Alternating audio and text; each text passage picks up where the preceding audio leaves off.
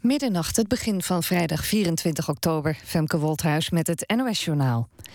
VVD en CDA willen opheldering van het kabinet over de naheffing die Nederland aan de Europese Commissie moet betalen.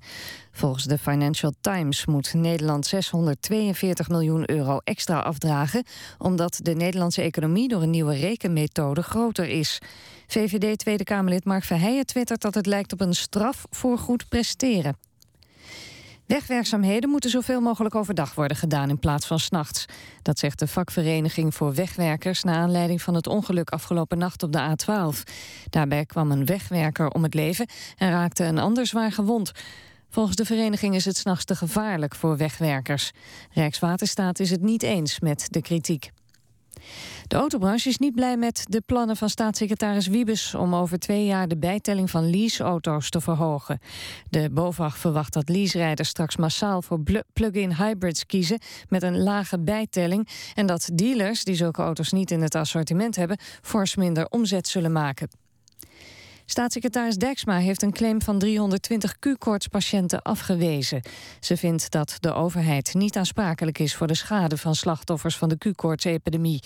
De claim was ingediend door advocaten die vinden dat de overheid te laat heeft gereageerd toen de Q-koorts in 2007 uitbrak. De advocaten zeggen dat de staatssecretaris niet ingaat op hun argumenten. PSV heeft in de Europa League gelijk gespeeld tegen Panathinaikos. De wedstrijd in Eindhoven eindigde in 1-1. PSV staat nu tweede in groep E.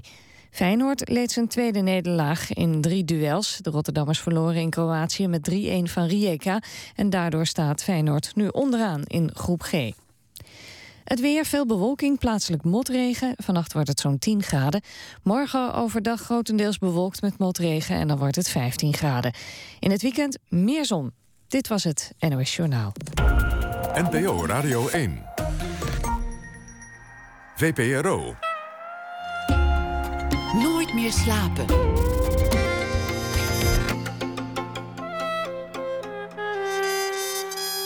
Met Pieter van der Wielen. Goedenacht en welkom bij Nooit meer slapen. Ophef over speelgoedpoppetjes van de Toys R Us in de Verenigde Staten. Speelgoedpoppetjes mogen namelijk geen drugs gebruiken. Dat hoort u na één uur. Ook een gesprek dan met Frederik Spicht, die met haar eigen freakshow of roadshow, of hoe je het ook noemt, de weg op gaat. Maar we beginnen dit uur met Rick de Leeuw. Als zanger van de band Trokkener Keks zag hij alle velden, zalen, kroegen, festivals, studio's en stadions van Nederland.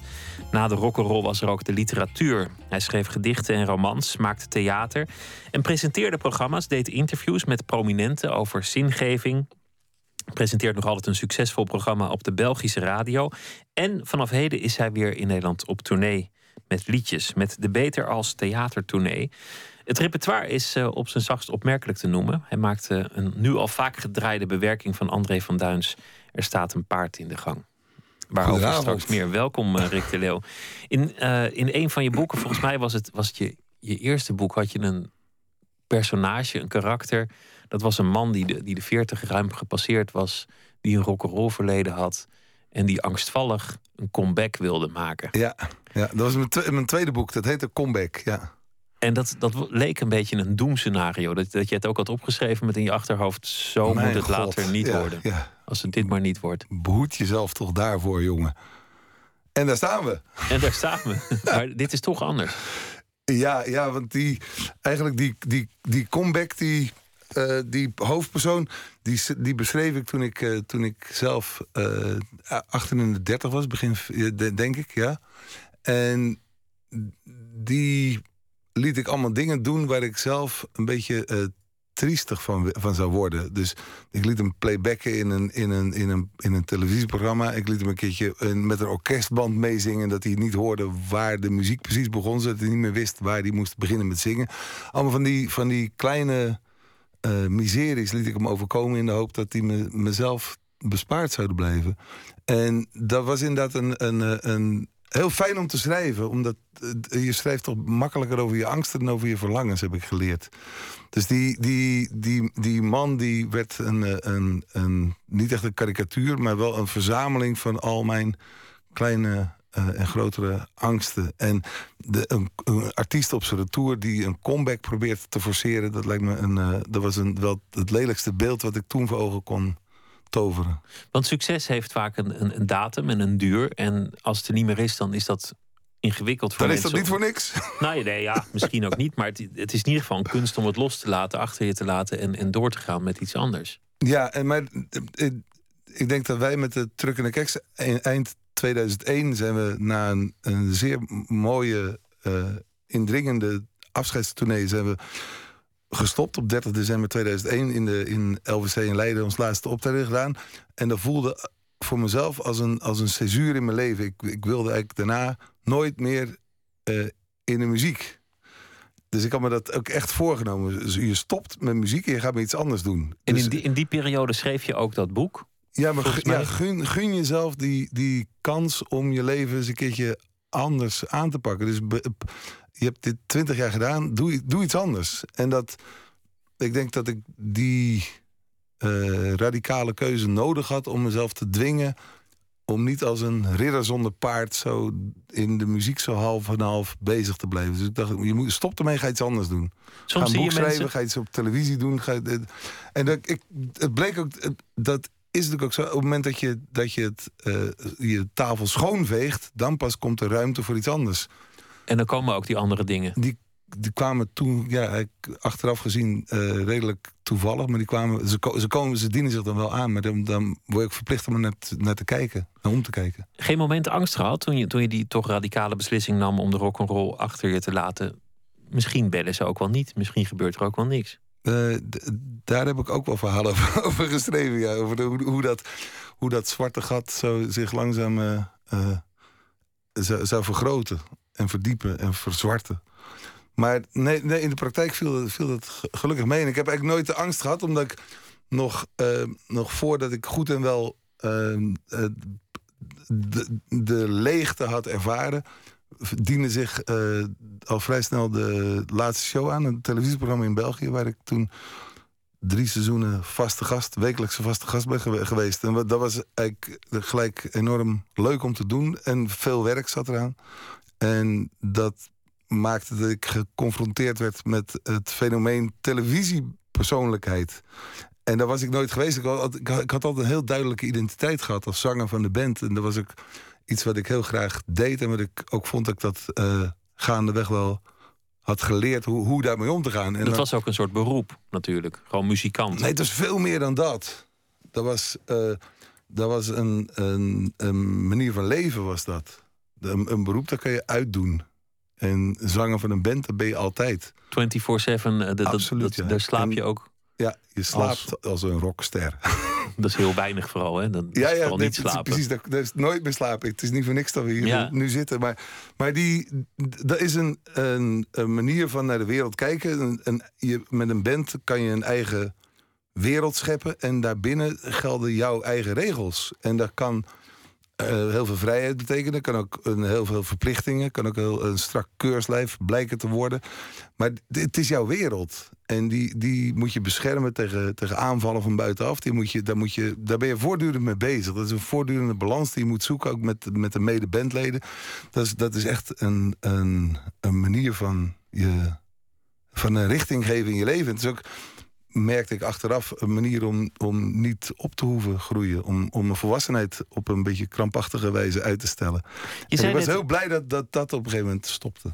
je zei net, het was een soort angstscenario. Soms heb je dat, dat je iemand ziet en, en dan denk je... oh nee, zo, zo moet je dus niet worden. Of ik hoop dat dit mij dus nooit overkomt. Of als ik in die gelegenheid kom, dan doe ik dat anders. Is er ook zo'n moment geweest dat je dacht... nu moet ik stoppen met de rock'n'roll in der tijd? Ehm, dat denk ik wel, maar ik, ik stond dat niet goed toe. Maar ik was een. ehm, ik ben een heel trouw mens en loyaal. Dus twintig jaar in de band. Ik, ik zat echt in die band met het idee dat ik daar voor altijd in zou zitten. Dus ik, het, het opgeven, dat was eigenlijk geen optie. Dat is ook de romantiek van een band, hè? Je, je, Ja, je staat ja, er samen voor. Ja. En toch, En- toch deden jullie dat uiteindelijk, het, het opgeven. Ja, ik vond het een, een, een zeer een verrassende wending, inderdaad. Ik had dat niet verwacht. Op een gegeven moment eh, eh, werd, kwam het ter sprake. En in plaats van de standaard reflex die ik had... nee, dat moet je niet doen, dacht ik... oh, misschien is dat wel een goed idee, zeg. En dat was, dat was, ik verbaasde mezelf door die gedachte toe te staan. En toen was het ook eigenlijk in één keer een uitgemaakte zaak dat dat de weg was die ik zou moeten volgen. Een van de andere bandleden die begon erover. Ja, ja, ja, die ja, zei dat op ja. een dag van goh, zullen we er niet gewoon eens mee kappen? Nee, die, die wilde ermee stoppen. En dan moet je dan weer iemand anders zoeken? Of moet je gewoon zeggen: nee, het, het is, het, is, het is goed geweest. Dan zijn we er wel. We zijn er. En ik had ook het idee dat we, we hadden een heel goede eh studioplaat gemaakt in 2000. TK was echt een zeer, zeer goede plaat. Ook, ook eh, in de band voelde dat goed. De optredens waren goed. De, de kritieken waren goed. Hadden die band weer echt zo op een niveau gebracht... waar we een tijd lang vandaan waren geweest. En dat, dit, is eigenlijk wel heel goed om, om nu te zeggen... stop ermee. En dat, dan ben je... Ik was 40 toen. dacht ik, oh, dan heb je eigenlijk nog... nog, nog een redelijke hoeveelheid tijd voor je liggen. Dus dan ga, ga eens iets anders doen. Bekijk het leven vanuit een ander perspectief. Want het perspectief van een zanger is natuurlijk een heel beperkt eh, perspectief.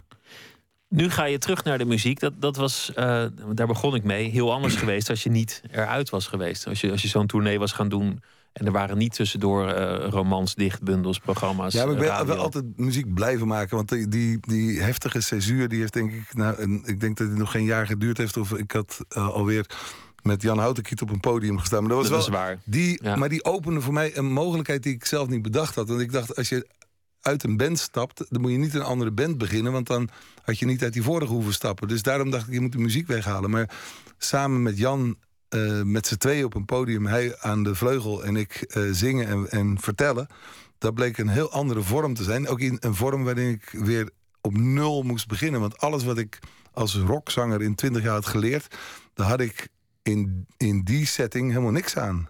De, eh, eh, als je met alleen maar een, een, een vleugel als, als muziek om je heen een potje stoer staat te doen in een leren jekje in een hoop oude vrouwtjesbank te maken, zeg maar, wat, wat het standaard rock eh, is, dan, dan sta je gewoon voor lul. Dus je moet een heel andere manier van zingen, een heel andere manier van, van bewegen, een andere manier van, van je tot een publiek richten hebben. Wat dus dat is een heel de- andere code. Lager in de adrenaline en eh, Ja, ja, Hoger in oh, iets ja, ja, anders. en, en eh, Jan is dan ook nog eens een, een zeer begaafd eh, eh, muzikant die veel meer uit de, uit de jazz en uit andere muziekstromingen afkomstig is dan ik. Dus die, dat was elkaar vinden op een, op een niveau dat we allebei nog niet kenden. En dat was, dat was een zeer spannende oefening waar ik ontzettend veel van geleerd heb. We hadden het net over angsten en mensen die je ziet dat je denkt, oeh, zo wil ik niet worden. Maar er zijn natuurlijk mooier zijn de momenten dat je iemand ziet die eh, ja, helden, voorbeelden, die, eh, die iets in jouw leven teweeg brengen. Bij, bij jou zijn dat er veel geweest. Ik, ja, en er worden er steeds meer nog. Ja, ja, ik vind het heel De, fijn. de bekende zijn eh Kruif, daar heb je wel eens over verteld. Ja. Kees de Jonge, een, een personage van Mhm. Theo Thijssen. Mhm. Het, het boek heeft veel voor jou betekend. The Clash, de band. Ja, Paul Weller, Paul is- Weller is een, is een de held. Jam, ja, ja. Maar volgens mij zijn er nog veel meer. Oh ja, en eh, daar komen er ontzettend, veel bij. Ik heb het inderdaad wat je in, in, in de inleiding zei, ik heb het voorrecht om voor, de, voor het blad Zin, wat trouwens Zin veel meer over. eh, eh, ik heb goesting, ik heb, ik heb eh, eh, Trek. rust, trek. Lust, Ja? zin. Eh, eh, eh, ik, ik omarm het leven. Veel meer dan, dan, dan de, de zingeving in de, in de esoterisch, licht filosofische zin van het woord. nee, dat- maar, maar toch gaan die gesprekken daar eigenlijk wel over. De zin Ik- van het ja, maar ik, ja, maar, ja, ja, ja, maar juist vanuit een, eh, een. Voor mij vanuit een diep besef dat we hier in een volstrekte doelloosheid op, op aarde geworpen zijn en er zelf iets van moeten maken. Dus die, die, de, de, de zin moet je er zelf eh, op de een of andere manier aan proberen te geven. En dat, dat, dat vind ik een enorm voorrecht, juist. Into this world we're thrown like a dog without a bone, zong eh, Jim Morrison ooit. Precies, ja. Ja, die dog without a bone weet ik niet. Maar we zijn hier wel ter aarde geworpen, ja. ja. ja. En dan, dan, dan moeten we het maar met elkaar zien te doen. En ik ben heel erg geïnteresseerd in hoe mensen dat eh, proberen. En, hoe- en hoe ze met vallen en opstaan en dan weer vallen... en, en met butsen en builen zo eh, het, het traject proberen een beetje rond te krijgen. Hoe kwam En, die en- rock- en veel van die mensen die, die ik dus spreek, die, daar heb ik op, op, een, op, een, eh, op heel verschillende niveaus echt be- bewondering voor. Omdat ik vind het eigenlijk ontzettend knap hoe mensen zo, eh, dat, dat toch maar elke dag weer proberen. En daar ook in slagen en, en, en zichzelf uh, schouderklopjes geven, zichzelf staande weten te houden, zichzelf weten te motiveren, andere mensen weten te enthousiasmeren. ik vind het eigenlijk een, ontzettend knap dat er zo weinig, zo weinig vreselijke dingen gebeuren. In een, mensen, mensen zijn eigenlijk heel aardig voor elkaar en, en moedig. Vaak wel, soms ook niet. Maar wat, wat is precies proberen eigenlijk? De, wat je, je zegt dat ze het elke dag weer proberen. Ja, die. die uh, het leven bouwen, een leven voor dat leven bouwen, precies ja. En dat leven dat bouw je elke dag. Hoe begon het eigenlijk met, met de rock and roll? Wat voor jongetje was je en wat was het moment dat ineens jouw leven volledig met hart en ziel een teken van de rock and roll kwam te staan? Uh, dat was op 30 september 1977. S'avonds om een uur of tien, half elf. Wat gebeurde er toen? Ik was, ik was een, een, een, een jongen die op een katholieke jongenskostschool zat. En daar hield ik mezelf staande door een, door een parallelle schijnwereld te creëren... waarin ik uh, een succesvol profvoetballer was. Dus dat droomde ik echt. Daar, was ik echt eigenlijk van overtuigd dat dat mijn toekomst was. En op 30 september 1977 zag ik door toeval in Paradiso de Jam optreden, Paul Weller. En in één keer werd me duidelijk dat, uh, dat ik mijn dromen van het voetbal moest transporteren naar de muziek. Omdat die dromen over voetbal, die, die hadden ook iets krampachtigs gekregen. Omdat ik wist, ik ben 16 en je, je, dat wordt het niet. Maar zonder droom op een kostschool is het veel moeilijker overleven dan met een droom. Hoe, hoe oudbakken die droom ook is. Dus ik was heel blij dat de muziek mij een nieuwe, nieuw escapisme bood. Dus vanaf dan was, de, was voetbal iets voor jongens die niet van muziek hielden. Terwijl daarvoor muziek iets was voor jongens die niet konden voetballen. Het klinkt niet gezellig, een, een katholieke kostschool. Want het, het, het, klinkt streng allereerst. Het klinkt eenzaam, maar nooit alleen. Dat, dat lijkt me vervelend. Dat je constant omringd bent door mensen met wie je eigenlijk niks hebt. Voor wie je ook niet hebt gekozen. Ja. Werd er ook nog aan de jongetjes gezeten, dat jij weet? Uh, ja. Ja, ja de, eh, die, die kostschool die, uh, die scoort redelijk goed in dat NRC-onderzoek van een paar jaar geleden. Ja. Ben, je, ben jij daar zelf onbevlekt uit voorschijn gekomen? Onbevlekt vind ik een hele goede. Uh, redelijk, redelijk. Maar ik was groot en sterk en, en niet op mijn mond gevallen. Terwijl de, meer de, de kleine verlegen, wat uh, onder heimwee leidende jongetjes met een bril... die waren, ja, die waren een vogel voor de kat. Dus dat... dat, um, dat was een wonderlijke sfeer, vond ik. Maar dat, daar zit heel veel macht en onmacht. En, en ja, ik vond dat was in die tijd, maar dat moet ik erbij zeggen, dat, dat is een, een, een lastig, lastig probleem. Dat in de midden jaren zeventig werd er, werd er toch minder, ehm, sowieso minder naar, naar, naar, kinderen omgekeken. En was uh, pedofilie, dus los van de pedoseksualiteit, hè, maar dus de pedofilie was eigenlijk, uh, stond op het punt van salonveeg te worden. Ja, je had, je had Brongersma in de Senaat voor de PvdA, die, die pleit voor acceptatie. En er waren wel meer mensen die, die heel dat veel, heel veel, heel als het laatste taboe zagen wat doorbroken ja, precies. en. En de, dat kwam vanuit een uh, ergens eind jaren 60, begin jaren 70 ingezette bevrijding op alle gebieden. En niemand wist waar die bevrijding zou stoppen. Dus eigenlijk was iedereen een beetje bang om square te worden gevonden door daar dan opeens tegen te zijn. Dus er hing een hele schimmige sfeer rond. En, die, en die, die slinger is nu totaal de andere kant op gegaan. En, en dat, dat is.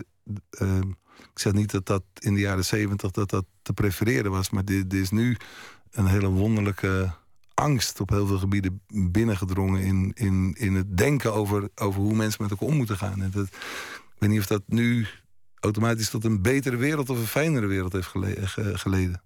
Geleid, sorry. De jaren zeventig hebben we het over. Dan, dan uh, Johan Cruijff eerst. Maar, maar mhm. ook die, die punk. Dat, dat was eigenlijk het antwoord op de, op de mannen met baarden die, die, die, die, daarvoor muziek maakten. Maar in, in Nederland, als je de jaren zeventig wil typeren, los van de, van de verbeelding aan de macht, dan kom je toch bij André van Duin uit, volgens mij. Schitterend bruggetje, meneer. Ja, zullen we gewoon meteen gaan luisteren naar de bewerking die je hebt gemaakt? Hij is al een aantal keer hier en daar gedraaid, dus eh, misschien hebben luisteraars hem al gehoord. Uh, paard in de gang, maar dan uh, in jouw uitvoering, die, uh, die eigenlijk een hele andere laag in het liedje naar boven. Daar gaan we het graag over hebben straks.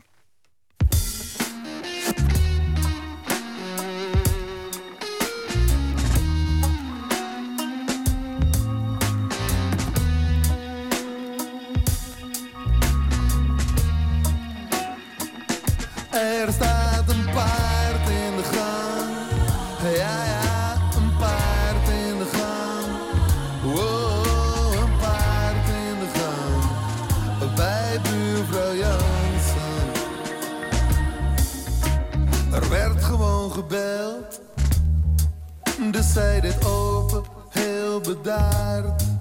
Nog geen seconde later was haar gang gevuld met paard. Er staat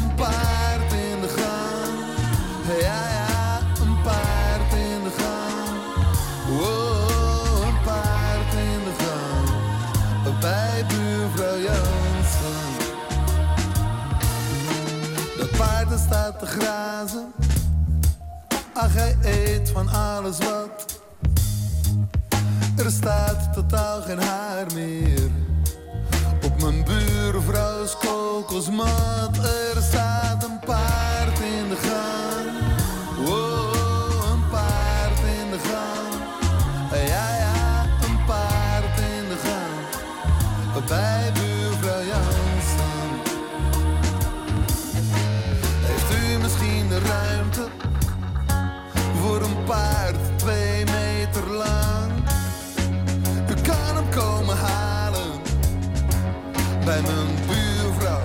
Uit de gang.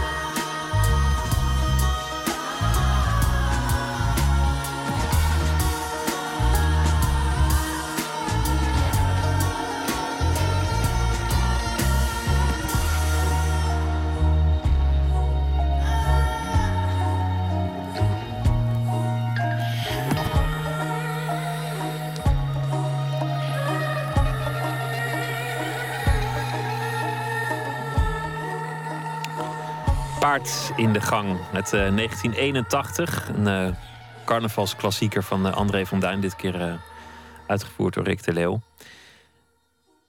Je gaat ook ineens anders naar de tekst eh, luisteren als je, het, eh, als je het zo beladen hoort worden ineens.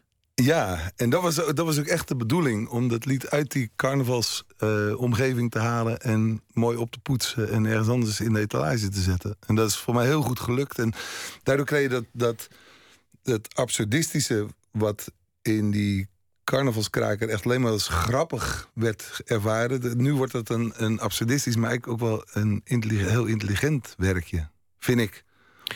Het is allereerst uh, een, een, streng betoog voor een assertiviteitscursus. Want dit, dit, is wat er gebeurt als je niet assertief bent. Dan, uh, dan staat er een paard in je gang. Je, voor je, weet staat er weer een paard in die gang. Je doet open en je hebt eigenlijk niet gevraagd... Uh, wat kom je doen en wie is het? En je zegt, nou ja, oké, kom verder. Ja, maar ik, ik zie dat groter. Dat, de, ik zie dat lied als dat eerste couplet, die eerste vier regels. er werd gewoon gebeld en zei dit open heel bedaard. Nog geen seconde later was er gang gevuld met paard. Ik zie dat als de als de, het ontstaan van, van, het, van het heelal. Zeg maar. In één keer, van, een bam, van niks naar alles in één seconde. In één seconde, nog geen seconde later was er gang volledig gevuld.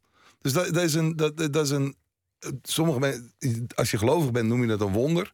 En dan is het de schepping. En dan is er iets of iemand geweest die dat heeft in gang gezet. Maar het kan ook zijn, eh, de, de wetenschap zegt Big Bang, het is, dit is een andere oorzaak. Maar de vraag blijft hè, voor de wetenschap en voor het geloof: wie heeft er aangebeld? Wie heeft er aangebeld? Er werd gewoon gebeld.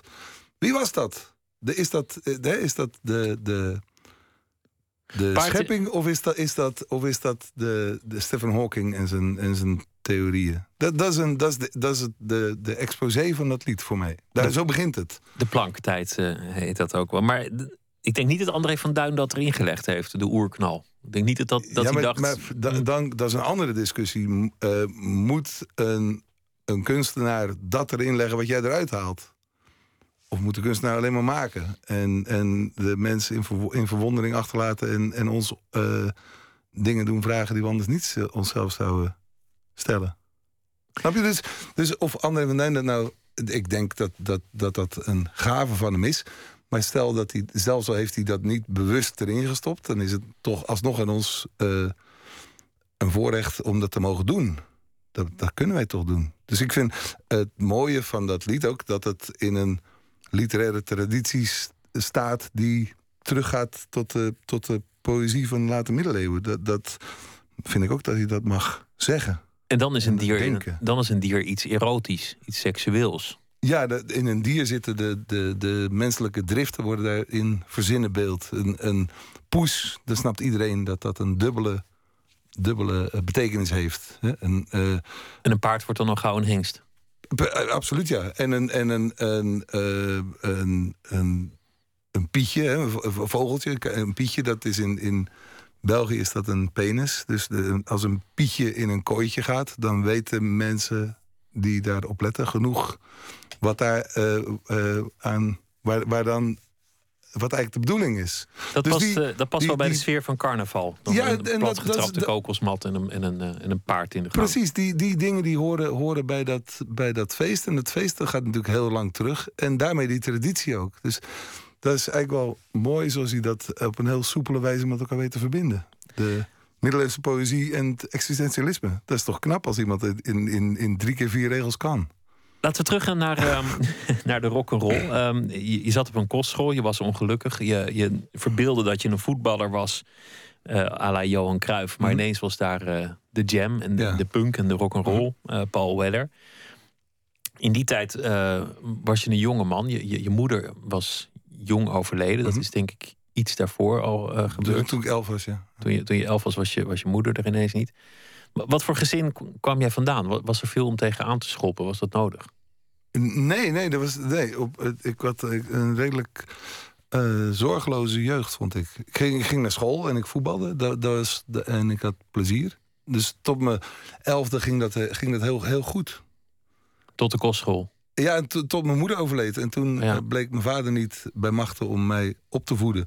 Of op te vangen zelfs maar. En toen ben ik via een paar pleeggezinnen in Haarlem... ben ik uiteindelijk op een kostschool terechtgekomen. Omdat er een, een permanente oplossing moest worden gevonden... voor het probleem huisvesting Rick. Ja, en dus zat ik opeens op een kostschool. Maar dat was raar, want ik kwam uit een heel... Uh, uh, vrijzinnig en vrij, en vrij gevochten gezin. En opeens werd ik in een, in een context geplaatst die ik helemaal niet kende. Zo, ik, ik was ongelovig opgevoed. En ook met een, in, een, in een huishouden wat heel uh, uh, provisorisch bijna was. Wel, wel, heel warm, maar, maar niet echt met, niet aan regels gebonden. Dus, en opeens zat ik in een, in een, uh, ja, in een wonderlijke gevangenis. Heeft hij je ook iets opgeleverd eigenlijk? Want het klinkt niet als een leuke tijd. Het was ook geen leuke tijd. Ehm, Maar als je- als je er nu op terugkijkt, denk je, nou ja, dat heeft het me toch geleerd of toch gebracht. Of nee, ik, nee, nee, nee. gewoon helemaal niks opgeleverd ook. Eh, eh, nee, ik durf, durf eigenlijk te zeggen dat dat eh, niks heeft opgeleverd. Echt, eh, ik, ik heb daar veel problemen door gehad. Ja. Alleen maar ellende. Gewoon een paard in de gang, eh, platgetrapte kokosmat en verder niks voor teruggekregen. Ja, ik, ik, vrees, ik vrees- ik vrees dat, dat ik daar heel weinig positiefs over kan zeggen. Ik vind het eh, jammer. Ik had dat eigenlijk van mezelf wel gegund... dat ik zo eh, eh, 40 jaar later er iets aardigs over kon zeggen. Maar ik, ik, zie, ik zie het niet. Toen was daar ineens een, een, een richting in het leven. Huisvesting Rick heette het probleem eerst nog. En, en plotseling was het gewoon rock'n'roll. En had je, had je ook helemaal geen huisvesting nodig waarschijnlijk. En was het gewoon spelen, dag en nacht. Dat was, eh, ik, ik vond het heel fijn om, om iets te hebben waar je, waar je jezelf in kon verliezen. Ik denk dat dat het is, dat je het, dat, je zo moet noemen. Dat, dat, en dat is, deels is dat eh, eh, energie en deels de escapisme natuurlijk. En, maar het is ook dat je je ergens helemaal in kan storten, in kan gooien. En dat, dat, dat alles wat je erin bereikt, heb je zelf bereikt. En alles wat je elke stap die je, die je zet, is een, is, lijkt er een in de, in de juiste richting te zijn. En dat, dat, dat vond ik magisch. En dat vind ik eigenlijk nog steeds prachtig. Om, om aan iets te werken en dan zien, het te zien groeien. En ook het succes te zien komen. Want dat is natuurlijk het allergrappigste. Dat die, die punkbeweging was toch ook een beweging van mensen die gewoon een instrument pakten omdat ze iets te vertellen hadden. Meer dan dat ze konden spelen. Ja, en- Zonder veel bedoelingen, zonder veel plan. Ja, ik ik denk dat dat, dat eh, die romantiek die daar rond zit, dat die heel vaak is misbegrepen later en ook door mij. Omdat de eerste generatie punkmuzikanten die konden natuurlijk wel spelen. Die, die, konden dat redelijk goed zelfs. Alleen daar, zit, daar hing een, een zweem van afzetten, of een zweem. Dat was afzetten tegen de vorige generatie. En die speelde heel goed. Dus zij zei, nou, wij spelen heel slecht. Maar als je de, als je de, de platen van, van, de, van de Clash van de Sex Pistols hoort... en voor de Jam, dat is eigenlijk op een redelijk niveau gespeeld. Dat, dat zijn niet jongens die op, op maandag een gitaar pakken... en op woensdag de studio ingaan. Dat is, Maar de, de tweede golf, die konden absoluut niet spelen. nee, precies, die konden niks. Want Die die, konden dachten, ah, dat is tof, dat gaan we ook doen. Maar, dat, Maar die dan- ook niks, dus dat was ook niet en, erg. nee, ja, maar dan, dan kom je toch tot de, tot de pijnlijke ontdekking dat die jongens die vroeger met de dwarsfluit naar de muziekschool gingen, dat die, dat die een voorsprong hadden op jou. Terwijl eigenlijk wilde je met, met, met rock'n'roll natuurlijk niet eh, eh, die hele muziekschool eerst moeten door, doorlopen. Je wilde, je, wilde eigenlijk een attitude aanmeten en daar moest die muziek vanzelf bij komen. Al- En mensen moesten dat gewoon tof vinden dat je dat kon. Maar die lange weg erheen, die, die sloegen we liever over. En dat, dat maakt dat, dat die generatie muzikanten... ehm, de meest wonderlijke oplossingen eh, zocht... voor problemen die andere mensen nooit hadden gehad. En dat, dat gaf af en toe wel heel goede muziek. Als je maar lang genoeg doorgaat, dan kom je, dan kom je wel ergens. Ik Zo'n band als The Kift bijvoorbeeld... Die, die, die maakt nu iets wat nooit zou hebben bestaan als ze niet vanuit het niks begonnen waren. Als ze gewoon het conservatorium hadden gedaan, zouden ze veel logischer denken, logischer Ja, muziek ja, ja, maken. ja, ja. En ik ben toch heel blij dat de kift bestaat. Het succes eh, kwam, dat, dat zei ik. Hebben jullie ooit ook, ook die, die spanning gehad van, van roem? Van de, de, de wens om in steeds grotere zalen te spelen, de, de wens om eh, meer exemplaren van je album te verkopen, om nog langer op tournee te kunnen en naar nog mooiere festivals? Was dat ook deel van de lust op een zeker punt? Ja, ja, en daar zijn we ook met, met open ogen ingetrapt. Want op een gegeven moment dan, dan, dan bereik je dat punt. En dan blijkt dat je dat helemaal niet leuk vindt. Dus dat dan de volgende stap die je zette, waar je, waar je altijd het gevoel had dat je volgende stap altijd een stap in de goede richting was. Opeens zet je een stap te veel in een richting en dan, dan sta je opeens playbackend in de koffie, koffietijd of dat soort programma's. En dan denk je, dit is niet waarvoor ik ben begonnen. En dan moet je weer terug. En dat- was een heel pijnlijke, pijnlijke draai die we moesten maken. En misschien is dan op een zeker punt ook je publiek niet meer per se het publiek dat waar je oorspronkelijk ooit voor gekozen hebt of met wie je verwant bent. Eh, ook, ook dat, ja, ja eh, dat maak je allemaal mee. En dat, dat was ook wel, ehm, dat heb ik wel als heel leerzaam eh, gezien. Ook die periode dat dat, dat dat misging, is achteraf een heel nuttige, vruchtbare periode gebleken. Om weer terug te komen bij waar het Ja, je, eigenlijk om ging. omdat je, dan moet je jezelf heruitvinden. En dat, dat was de eerste keer dat ik dat echt moest. om zo je. Daarvoor waren alle dingen waren me overkomen, maar dit had ik mezelf aangedaan. Ik had dat zelf gecreëerd, die band waar ik altijd zo trots op was geweest. En opeens zat ik in een band waarvan ik dacht: wat is dit? En dan, moet, dan, moet je, dan, dan, dan heb je gewoon zelf iets heel stoms, fouts, fundamenteel verkeerd gedaan. En dan, daar, moet je dat veranderen. En dat, dat was dat is een hele lastige ehm, mentale oefening om, om je eigen fouten in te zien, terwijl je weet dat je dat met ontzettend enthousiasme en overgave hebt gedaan. Heel enthousiastisch, ontzettend stoms hebt gedaan. Dat is heel lastig om dat. Maar je zegt ook jezelf uitvinden. Dat is wel grappig, want je zei: Ik ben altijd eh, verwonderd hoe mensen dat doen, een, een leven opbouwen. Maar Mhm. dat is natuurlijk nog veel moeilijker dat je iets hebt opgebouwd wat niet meer voldoet of wat er ineens niet meer is. En dat je opnieuw dat Ja. moet gaan doen. Dat je Ja. jezelf opnieuw moet bedenken. Je omschreef jezelf net als een, als een heel trouw persoon. Ja. Toen ging het over het bandje. Mhm. Vrij kort daarna eh strandde je huwelijk. Daar heb je ook een, een geestig boek over geschreven samen met Erik Jan Harmens. Ja, ja, ja. Echte mannen scheiden ja. niet. Ja, Een dichtbundel eigenlijk was het. Met, eh, ja, eigenlijk gaat het over de plastic tassenfase. Eh, Dat was een plastic tassenboek, ja. Ja, ja, ja, ja. Of die is geschreven in de plastic tassenfase. Ja, ja Dat je- dat is een goede term. Ik kende die niet. Dat je dus uit een plastic tas leeft met, met in der haast, eh, eh, nou ja, wat pak je dan? Drie onderbroeken en zes paar sokken of andersom. Ik En, heb niet geteld, maar het zal, het zal zoiets zijn geweest. Ja, niet ja, heel ja, zorgvuldig gepakt. En dan- Nee. Nee, maar, ja. En dat was, dat was een, een, ook een, een, een zeer moeilijke, moeilijke periode. Maar die, die heeft ook zeker zijn, zijn nut gehad. Een belangrijke periode is dat geweest. Waar ik ook wel. ehm, niet, ik hoef daar nooit meer naar terug. Maar ik, dat heeft me wel geleerd dat, dat ik. ehm, mezelf altijd weer terug kan eh, ik, kom weer op, ik kom weer op mijn poten terecht. En dat was iets wat, wat ik eigenlijk niet zeker wist van mezelf. Maar dat, dat, op een gegeven moment raak je, een, raak je de bodem en dan weet je hieronder zit niks meer. En dat is eigenlijk een heel geruststellend gevoel. Weet je dat als je de bodem raakt? Want, want vaak blijkt er dan toch ineens toch nog een dieper laagje bodem onder te zitten. Ik heb, die, die, ik heb het, het redelijk gezocht. ik heb het- daaronder, het was gewoon echt bodem. Ja, dat je gewoon dat je eh, dagenlang zo eh, niet eens mensen wil zien. Dat je, dat je gewoon eh, weg wil. Dat je uit je eigen, eigenlijk uit je eigen ik wil stappen. Zo, dit, is, dit is het niet. En, dan, en dan opeens komt het besef, oké, dan, moet je nu weer, eh, nu moet je gewoon opstaan. Letterlijk opstaan en, en veranderen dan de dingen die je wil veranderen. In plaats van eh, totaal knock-out daar eh, liggen onder de krachten die, die op je inwerken. En waar, lag je op? De, op de bank bij een, bij een kennis? Of, eh, Nee, eh, ik, toen ik van, eh, van middelbare school kwam en naar Amsterdam ging... toen eh, heb ik een tijdje bij mijn zuster op zolder eh, een kamertje gevonden. En op mijn 43ste, dus dat was eh, een slordige 25 jaar later... zat ik weer bij mijn zuster op een, eh, op een zolderkamer. En de enige ontwikkeling die ik zelf voelde... was dat mijn zus in de tussentijd verhuisd was. Dus het was een mooiere zolderkamer.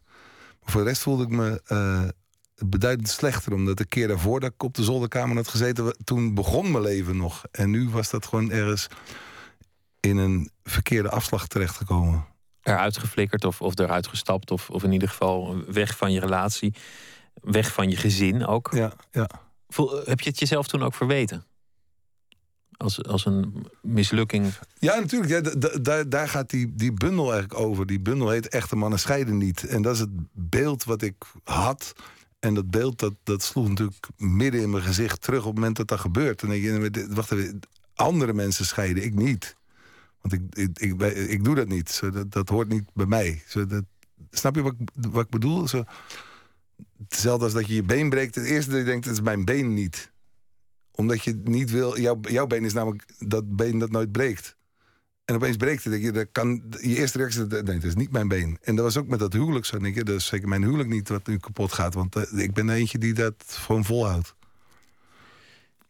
Je, Snap je? je- Dus dat is, ja. dat, is, dat is heel lastig. Dus dan moet je. je, moet, je moet eigenlijk allereerst wennen aan de gedachte dat het Ja, mogelijk is. Dus ja. het is niet alleen een, een crisis van feiten. Bijvoorbeeld een lekke band is, niet echt een crisis, want je weet dat je band af en toe lek zal zijn. Ja, Dat is gewoon ongemak. Precies, maar dit Maar was als iets iets lek gaat gebeuren. waarvan je nooit had gedacht dat het lek zou gaan, dan moet je eerst je werkelijkheid. eh, accepteren. Ja. accepteren heel moeilijk. Het heeft heel lang geduurd voordat ik kon zeggen: zo, eh, ik ben gescheiden. Ik vond dat heel. Dat vond ik een. een, een, dat was een, een, een faalwoord.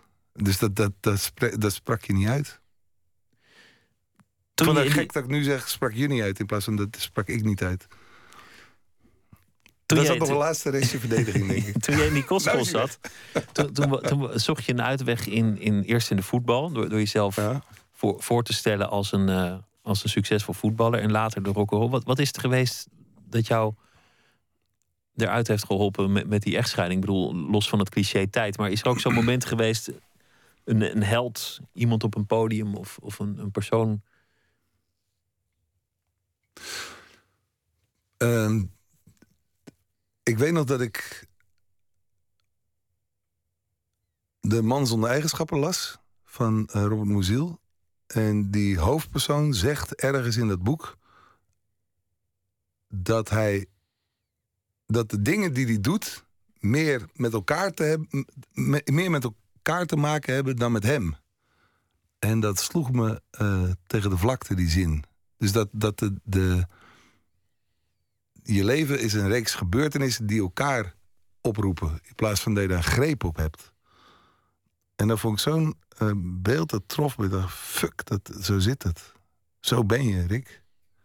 Dus dat je eigenlijk alleen maar het volgende doet omdat je het vorige gedaan hebt. En dat is een, dat is een, een reeks, maar dat wordt een steeds smaller pad. En op een gegeven moment ben je, stopt dat ergens.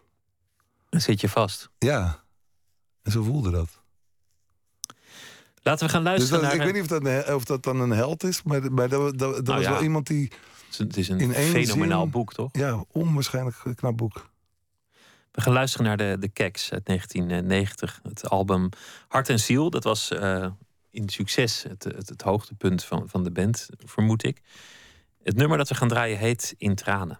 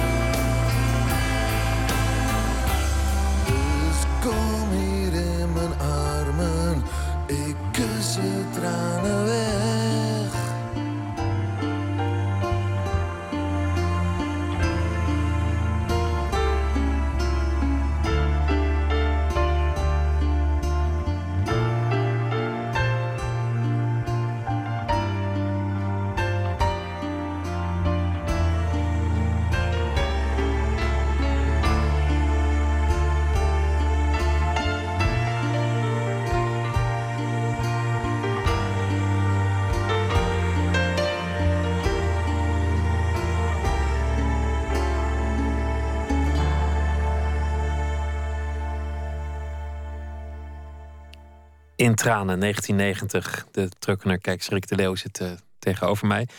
Dit waren hoogtijdagen. Uh, andere hoogtijdagen die, die zijn er ook nog geweest. En laatst las ik dat je zei... de echte hoogtijdagen liggen nog voor me. Die komen eraan. Ik dacht, dat is ook eigenlijk het beste wat iedereen kan zeggen. Ja, maar ik heb dat gevoel, gevoel regelmatig. Ja, dat ik denk, nu gaat het beginnen.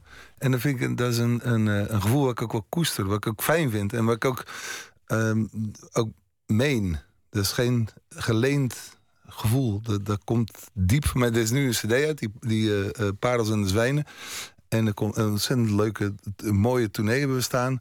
En uh, dan verzamelt al, al, alle kracht zich in je. En nu wil ik ook voor volle zalen spelen. Ik wil die platen succes. Dus, en dan ga je ergens beginnen. En dan ga je proberen dat zo goed mogelijk te doen. En gaandeweg merk je dat je mensen daarin meekrijgt. En dan, dan, dan gaat het bijna kantelen. En het, vlak voordat het begint te kantelen, dat is het mooiste moment. En soms lukt het dan net niet. En dan, dan is het als een, als een, als een cake die, die moet reizen en dan ploft hij in elkaar. Maar soms dan komt het prachtig en dan, dan werkt het. En dan, dan, dat is als een, een, een, een, een trein of een kar. Die, die, je moet heel veel kracht geven om in beweging te krijgen. Maar eens die kar rijdt, dan springen mensen erop. En op een gegeven moment gaat het vanzelf. En dat, dat moment dat, dat, je het, dat het buiten je om gebeurt, dat, dat is magisch. Een van de wonderlijke dingen die is gebeurd in, in, je, in jou, of die, uh, die zijn gebeurd in jouw leven, dat is um, het succes in Vlaanderen. Dat jij als, als Nederlander, want volgens mij zijn Belgen niet altijd even dol op de Noorderburen, misschien wordt dat wat beter inmiddels, maar dat jij vooral daar niet van de televisie af te denken bent, zo'n beetje inmiddels. en, en op de radio een eigen programma hebt en eigenlijk heel erg deel uit bent gaan maken van de, van de, de vaste ja, ik vind het. Een, een, dat is een, een heerlijk land, vind ik. ik heb daar een tijdje geprobeerd te wonen, dat lukte niet. Maar om, uh, ik zou dat nooit meer weg kunnen denken uit mijn bestaan. Dat is een, een wezenlijk onderdeel geworden van, van mijn wereld. Dat, ik hoef ook niet veel meer te hebben dan dat. Zo Nederland en Vlaanderen, dan heb ik dan, dan, dat is mijn actieradius wel. Dat, dat vind ik al heel veel. En hoe beter je het leert kennen, hoe groter dat wordt dan in het begin denk je, oh, heb je, heb je Brussel, heb je Gent, heb je Leuven. Maar op een gegeven moment als je Erpenmeren en, en Oost-Rozenbeek en Handsamen en Korte Marken, Gorzelpleeuw. Als je dat allemaal ook leert kennen en Gistel en al die dorpen, die, die, zeggen me iets.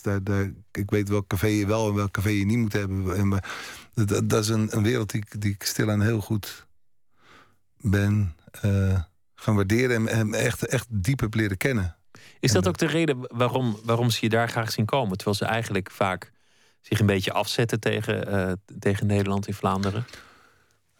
In, in, in grote lijnen kan je zeggen dat, dat de Vlaming ongeveer naar de Nederlander kijkt zoals de Nederlander naar de Duitser.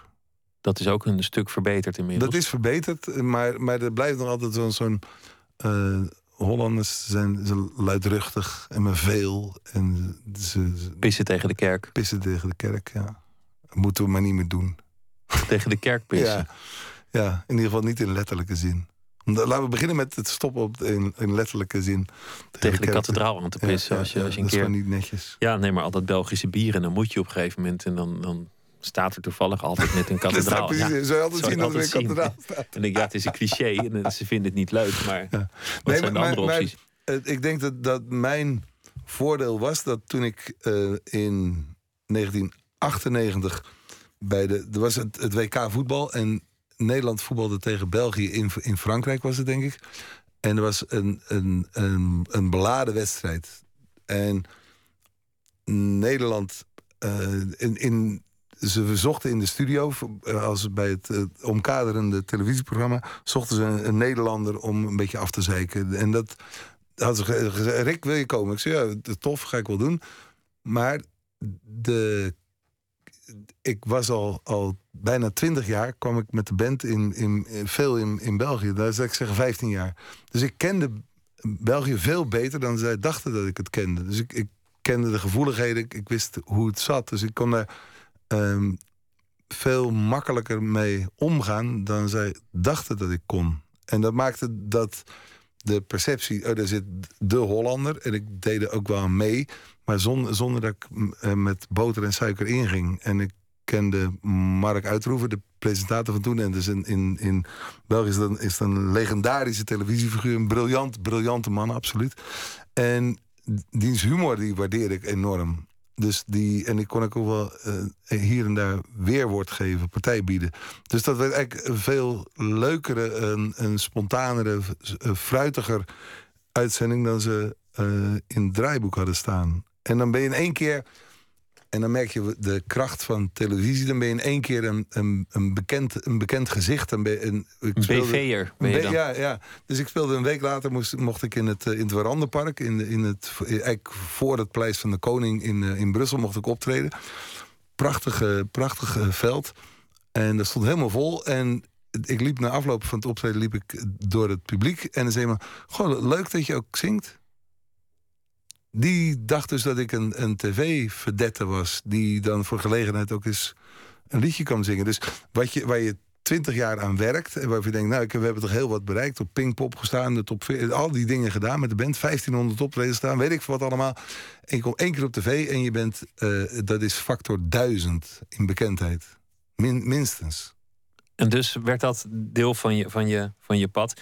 Je, je zei net, ik, ik heb wel eens om dingen gevraagd die ik eigenlijk niet wilde in, in, het, in het bestaan. Dan had je het over het succes van, van de Keks. Je zei ook dat je erachter kwam aan de hand van dat boek De Man zonder eigenschappen van Musil. Dat je, dat je eigenlijk alles maar deed omdat het volgde uit het vorige wat je had gedaan. Mhm, mhm. En dat dat uiteindelijk ertoe leidde dat je, dat je vast kwam te zitten. Ja. Nu zei je, de, de betere dagen, ik voel aan alles, ik merk aan alles dat die eraan zit te komen. Wat, heb je in essentie geleerd?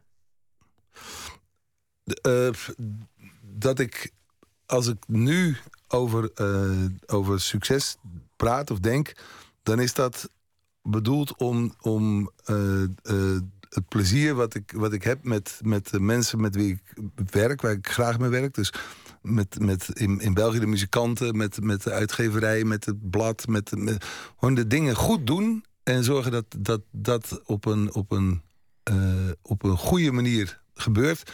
Daar kan je, daar, daar, daar kan je een, een heel fijn leven omheen bouwen. En ik denk dat dat, dat veel belangrijker is om, om te zorgen... als je dat niveau gestaag kan verbeteren totdat het echt goed zit... dan heeft het niks meer te maken met het, met het strelen van het ego... of het, of het kijk mij is belangrijk zijn. Is veel meer dat je, dat je de, met, met fijne mensen de goede dingen doet. En dan zie je dat, dat, dat daar enorm veel kracht uit, uit loskomt. En daar, daar kan ik heel blij van worden, gelukkig.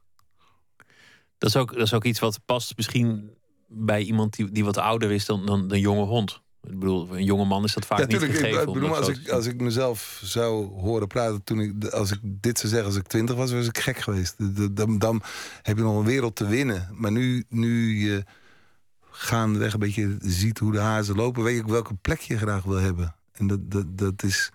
Ik ambieer heel, heel, lang niet alles. Dus sterker nog, ik ambieer niet veel. Ik weet heel duidelijk in welke richting ik wil. En wat, ook wat, me, wat, wat ik wel en niet kan. En ook wat ik wel en niet wil. En dat, dat heeft voor mij ontzettend lang geduurd. Vertel nog even over de, uh, de tournee. Want je gaat in, in theater uh, voornamelijk liedjes zingen. Dat, ja. is, dat is eigenlijk niet, niet een, een, een show of een voordracht. Of, uh, of dat het is zeer, zeer concertant. Dat, we, we, we, hebben een, een, prachtige band met, met bas, drums, gitaar toetsen. Dus, en dat, dat, zijn in, in, in België zijn dat grote namen die, die ik heb kunnen strikken. Dat is het, de top van de Belgische muziek, muziek. En die spelen onwaarschijnlijk goed. En, en het knappe van hun is dat ze uh, uh, die dat leeft. Dat, ik kan niet anders zeggen dan dat dat borrelt, bruist, dat doet. Dat, dat is organisch. Dat, die spelen met elkaar. En, en ik mag daar uh, voor zingen, zeg maar. Maar dat, dat, is aan de ene kant heel gedisciplineerd, maar die luisteren beter. Muziek is luisteren, spelen is luisteren. Wat gebeurt er en, en waar vind ik mijn plek daarin? En als vier mensen dat samen kunnen, dat is prachtig om te doen. En toen we die, die theatertour vorig jaar begonnen... toen de cd Beter Als net, net verschenen was... toen speelden we een, een optreden rond die, rond die cd. Dus die, we wilden die, die muziek heel graag heel mooi goed spelen. Dus het was een wat ingehouden cd, dus speelde ingehouden. Maar gaandeweg voelden we dat we eh, op het podium er ook wel mochten doen wat we heel graag doen. En dus het is ehm, van heel intiem naar nogal uitbundig gegaan. En allebei die kanten kunnen we heel goed. En er zijn nu ook nog een paar van die covers uit, het Hol van Leeuw, uit de Parels uh, en de Zwijnen aan toegevoegd. Dus het heeft nu een deel zelfs uh, welke, welke oude keksnummers. Voor het eerst van mijn leven dat ik dat weer... Uh... terug naar, terug naar die, die oude keksnummers? Ja, dat is Zoals nu, het nu klinkt, dat is natuurlijk toch ook wel anders? Ja, maar dat is, dat is nu zo uh, op een veilige afstand gekomen... dat ik dat weer zonder enige bijgedachte over de, de comeback figuur... waar we het in het begin over hadden, kan spelen. Zonder dat ik denk, oh, nu, val, nu, nu moet je terugvallen op je oude successen... om nog een paar mensen in de zaal te lokken of zo. Snap je, dat gevoel is er niet, dat is weg doe dat nu gewoon omdat ik het fijn vind. Omdat, omdat dat ook past in, in, in, in wat ik doe. En ik sta dat weer toe. Paard in de gang. En welke, welke klassiekers heb je nog meer uh, gevonden? Uh, op, op de cd staan uh, zes, dat, dat, hoort dan, dat hoort ook bij mij, zo zes Vlaamse en zes Nederlandse songs. En die, alle, alle twaalf Nederlandstalig. En er zijn Terug naar de kust van Maggie McNeil. Ehm, als de liefde niet bestond van Toon Hermans. De glimlach van een kind van Willy Alberti. Uh, een prachtige versie van Ben ik te min van uh, Armand. ontevreden van Raymond van het Groenewoud. Lukte met hem van de Mens. Rijderij van de Scene. Lekker Westers van Arbeit Adelt. Ik kan het allemaal noemen, maar dat, dat, is een, voor mij is dat een, een mooie staalkaart van de muziek... waarmee ik deels ben opgegroeid en deels waar ik aan, aan heb... waar, ik mezelf in heb uh, ontwikkeld. Te zien in uh, nou, een enorme lijst theaters in Nederland en, en Vlaanderen de komende weken. Ja. En, uh, nou ja, Man, en het, ontzettend, het zijn echt zeer fijne avonden. Dat kan, kan niet anders zeggen. Dat is een, ik geloof Haarlem is de, is de eerste volgende. Die is nu zaterdag, ja. ja dat is eigenlijk de, de officiële première. We hebben een paar optredens gedaan in Drachten, Oldenzaal, Alkmaar. Maar Haarlem, dat is mijn, mijn geboortestad. Die hebben we uh, geprikt als de officiële première van de tournee. Van de Nederlandse luik van de tournee. Ik wens je heel veel uh, succes en ik wens je ook heel veel plezier vooral. Daar gaan we allebei lekker, dankjewel. dankjewel. Dank dat je het gast wilde zijn. En uh, heel veel, nou ja, wat ik zei, heel veel plezier met met de optredens. Zometeen in uh, Nooit meer slapen gaan we het hebben over ondeugende speelgoedpoppetjes die drugs gebruiken. Ik blijf dat, nog even. Ja, dat, dus, uh, dat is altijd goed natuurlijk. En de medicine shows in de 19e eeuw waren spektakels. En er komt een soort Nederlandse remake gemaakt door de zangeres Frederik Spicht. Een gesprek met haar zometeen. En nog heel veel andere dingen. Via Twitter, VPRO-NMS of via de mail nooitmeerslapen.vpro.nl.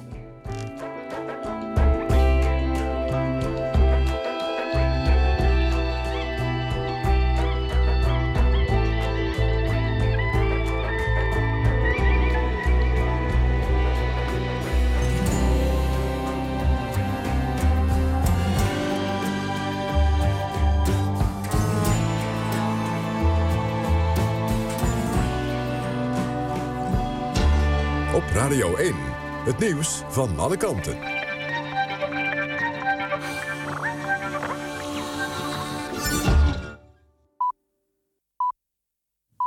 1 uur, Femke Wolthuis met het NOS-journaal.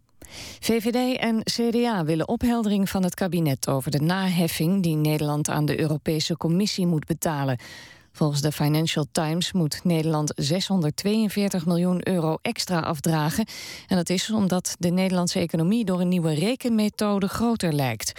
VVD Tweede Kamerlid Mark Verheijen twittert dat het lijkt op een straf voor goed presteren. En de naheffing is een onaangename verrassing die heel veel vragen oproept, dat zegt premier Rutte.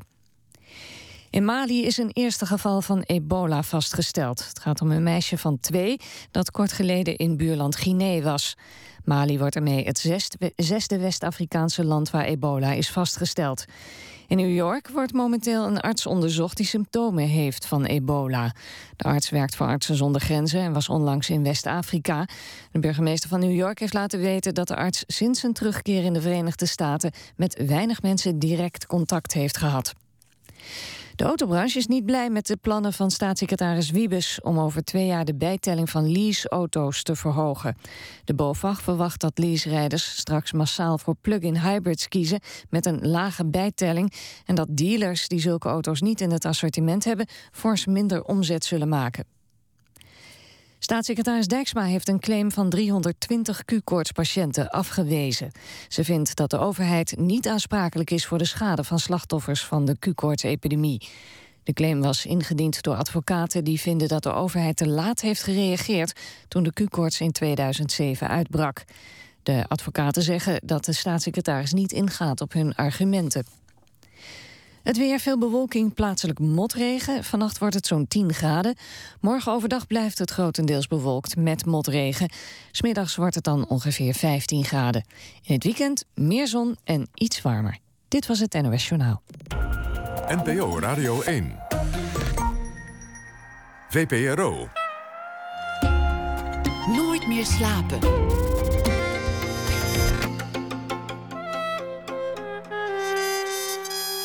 Met Pieter van der Wielen.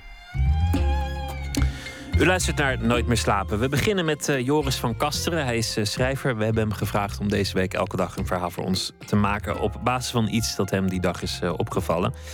Hij is bezig met een nieuw boek dat binnenkort verschijnt. Het station over het Centraal Station van Amsterdam. En wat er allemaal voor mensen rondlopen. Hij heeft ook andere boeken geschreven, waaronder Het Been in de IJssel. En nu heb ik hem aan de telefoon. Goedenacht, Joris. Goedenacht. Waar zal het over gaan vandaag? Nou, ik las dus iets, uh, notabene in het Financieel Dagblad, een krant die ik normaal eigenlijk niet zo vaak zie, over uh, Edward Herema, waar ik eigenlijk ook nog nooit echt iets van gehoord had, behalve dat ik wist dat het een rijkaard was. En die is dus die is de afgelopen jaren bezig geweest om een, ja, een soort megaschip te ontwikkelen. En dat is nu bijna af. Maar daar hangt dus een soort... Uh, enorme kwestie aan vast. En daar heb ik dan maar een stukje over gemaakt. Lees maar voor. Oké, het heet zo. De SS Pieter Schelte Herema. Het grootste schip ter wereld is niet een of ander cruise-schip... maar een onlangs opgeleverd hijsvaartuig met twee boegen... dat pijpleidingen in zeebodems kan leggen en boortorens kan ontmantelen. Het is in het bezit van een bedrijf dat All Seas heet. De baas van dat bedrijf heet Edward Herema.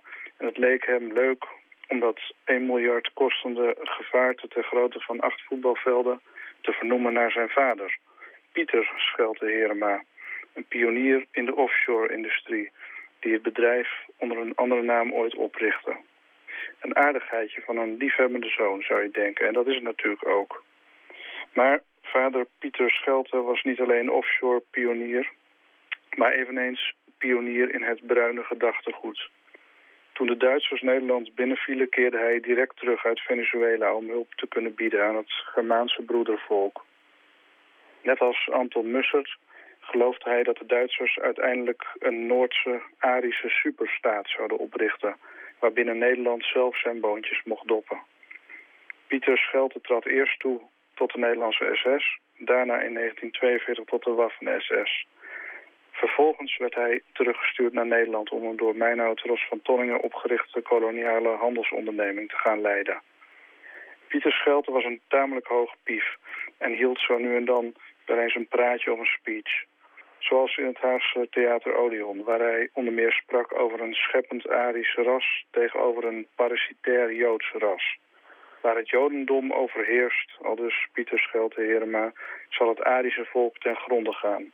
Daarom moet in elk Arisch land de Joodse kwestie opgelost worden. Hij trouwde in de oorlog met de dochter van een Haagse tapijthandelaar. Op de huwelijksreceptie in Hotel der Zende aan de Lange Voorhout in Den Haag verschenen hoge SS-officieren en andere pro-Duitse figuren. De SS Storm, het landelijke SS-tijdschrift plaatste een bericht over het huwelijk op de voorpagina. Heinrich Himmler stuurde hem een bericht. Herzlichen Glückwünsche zur Hochzeit. Langzaam maar zeker zag Pieter Schelte Herema in dat de Duitsers slechts voor een Duitse hegemonie streden. De grootgermaanse samenwerking was een farce.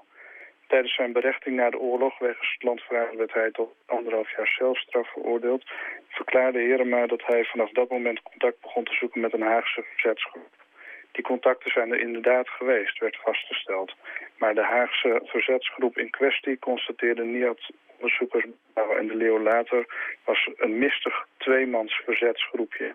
dekking zou hebben verleend aan meerdere plotselinge bekeerlingen uit pro-Duitse kringen. In 2001, Pieter Schelte Herema was toen 20 jaar dood, kreeg Allseas van de Nederlandse overheid 800.000 euro om het megaschip dat toen nog naamloos was te kunnen gaan ontwikkelen. Toen in 2008 bekend werd dat zoon Edward het naar zijn omstreden vader zou vernoemen, ontstond er wat ophef. In antwoord op Kamervragen antwoordde minister Van der Hoeven... de naamgeving van een schip is de verantwoordelijkheid van de reder. De subsidievoorschriften voorzien niet in enigerlei bemoeienis met de naamgeving van een schip. Aan het einde van dit jaar zal de Pieter Schelte de Rotterdamse haven invaren... om daar te worden afgemonteerd. Het grootste schip ter wereld van Nederlandse makelij in Nederlandse wateren. Welke hooggeplaatste functionaris gaat deze gebeurtenis plechtig inluiden... en zal koning Willem-Alexander het ten doop willen houden. Voor het einde van dit jaar zullen we antwoorden op die vragen hebben. Een uh, opmerkelijk verhaal. En inderdaad toch gênant als, uh, als zo'n schip gedoopt wordt door een hoogwaardigheidsbekleder... en het draagt ja. die naam. Dat, dat zou pijnlijk zijn. Ja, ik zou er dan ook nog wel echt de SS Pieter Schelte Herema van maken. Maar, In plaats van het motorschip, het uh, stoomschip, zeg maar. Ja. ja. ja, precies. Nee, maar dat is, ja, het is bizar. Dat, uh, ja, je kunt daar natuurlijk een hele ethische discussie over voeren. En, en, uh, maar dan gaat het er meer om, moet zo'n man dat, of zo'n bedrijf dat überhaupt doen. Maar zodra een overheid, zeg maar, daar ook geld in steekt, krijg je toch een hele ongemakkelijke situatie. En daar is helaas dan niks meer aan te doen. nee, maar er zijn, ja. er zijn zeg maar uh, um, minder prestigieuze projecten die iemands naam droegen, die, die minder omstreden waren, maar enigszins. Daar is meer ophef over geweest. Over een, een afdeling op de Universiteit van Maastricht bijvoorbeeld. Die, ja. uh, van, van een wetenschapper die, niet zuiver op de graad was geweest. En zo zijn er nog meer van die, van die dingen geweest. Maar dat was ja, nee, minder dit, duidelijk. Dit, uh, precies, dit was helemaal niet in het nieuws. Maar dat had dus te maken met... En dat was dan wel weer een, een vreemde speling van het lot. Dat, dat stuk in het Financieel Dagblad ging er dus om dat uh, zo'n Edward eigenlijk bijna... Uh, een deel van zijn kapitaal kwijt was geraakt door een of andere Maltese oplichter. En dat was dus geld wat hij in dat schip wilde steken. En daar is hij vervolgens door de Britse politie voor gewaarschuwd. En daar ging dat eigenlijk om. Dat was die primeur. En zo kwam uh, in de slipstream van dat bericht de naam van dat schip boven. En ja, daar heb ik nu zeg maar dit, dit verhaaltje van gemaakt. Maar ik denk zodra die boot uh, daadwerkelijk deze kant uh, uitkomt, dat het natuurlijk wel... Uh, ja, dat is natuurlijk heel pijnlijk als dat zo de haven komt ingevaren. Hè? Dat, ja, dankjewel ja. Joris van Kasteren. En een goede nacht en morgen graag weer een verhaal. Jij ook veel dank en tot morgen. Multi-instrumentalist Andy Burroughs zat achter het drumstel bij verschillende bands. Razor Light was er een van en We Are Scientists. Hij heeft uh, ook een solo carrière. Zijn tweede album is uh, net af met Fall Together Again. Heeft hij dat album afgeleverd. En net als het vorige album doet hij zo'n beetje alle instrumenten zelf. We gaan luisteren naar Andy Burroughs met het nummer Hearts and Minds. I cannot fight I haven't got a sword or a gun. Even if I did, I'm not sure whose side I'd be on. Cause love battles harder than the hate that we possess. And the battles get harder when you start saying no when you mean yes.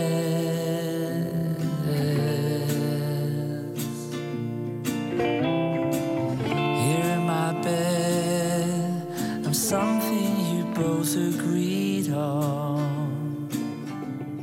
I'd up and leave, but I'm not sure how fast I could run. Cause love is the meter by which we work, play, and rest. So leave this till morning, sun comes up again.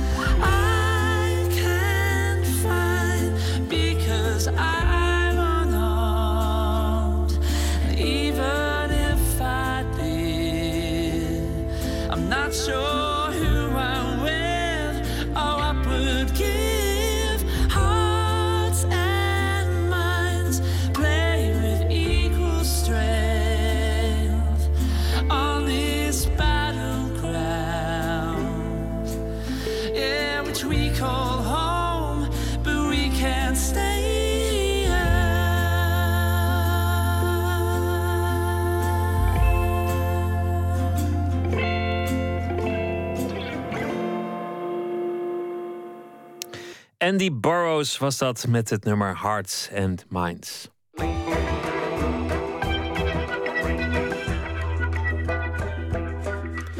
Medicine shows waren rondreizende muziekspektakels in de Verenigde Staten in de 19e eeuw. Hoofddoel daarvan was kwakzalverij en dat ging dan gepaard met veel theater, muziek en ander vermaak. Het inspireerde de Nederlandse zangeres Frederik Spicht tot een album en een theaterprogramma. Verslaggever Botte Jellema ging bij haar op bezoek en vroeg allereerst naar de muziek. Ik zit even te denken hoor. Ik moet even... Kijk, als ik nou deze heb, hè. Even kijken, je zit nu in je computer en daar in, in Ja, je, je een- staat een hele album met, ehm, met Demo. demo. Ja, en dat zijn dan allemaal experimenten van mezelf. En eh, Ik herken de titel, Homesick for Lafayette. ja, ja, en dan hoor je mij als een kruk gitaar spelen. Ik zal bijvoorbeeld een klein stukje laten horen. Ik hoor ook de stoel kraken waar ik op zit. Ja, ik ga zingen als het goed is. Build a fire. Catch a rabbit. Dus, maar dat wordt dan natuurlijk, want dan gaat Janos het spelen. In dit geval. Build a fire.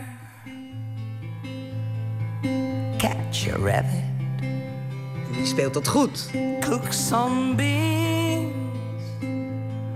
Cowboy's habit. A sip of bourbon. And a cigarette. I feel homesick. En dan eh, ga ik nu weer naar die brug. En die speelt dan Jan. At the break of dawn, they appear the ghosts and the nou is het goed. Althans, veel beter. White buffalo and black-tailed deer, they say there comes a time when you forget the love you lost, the love you had.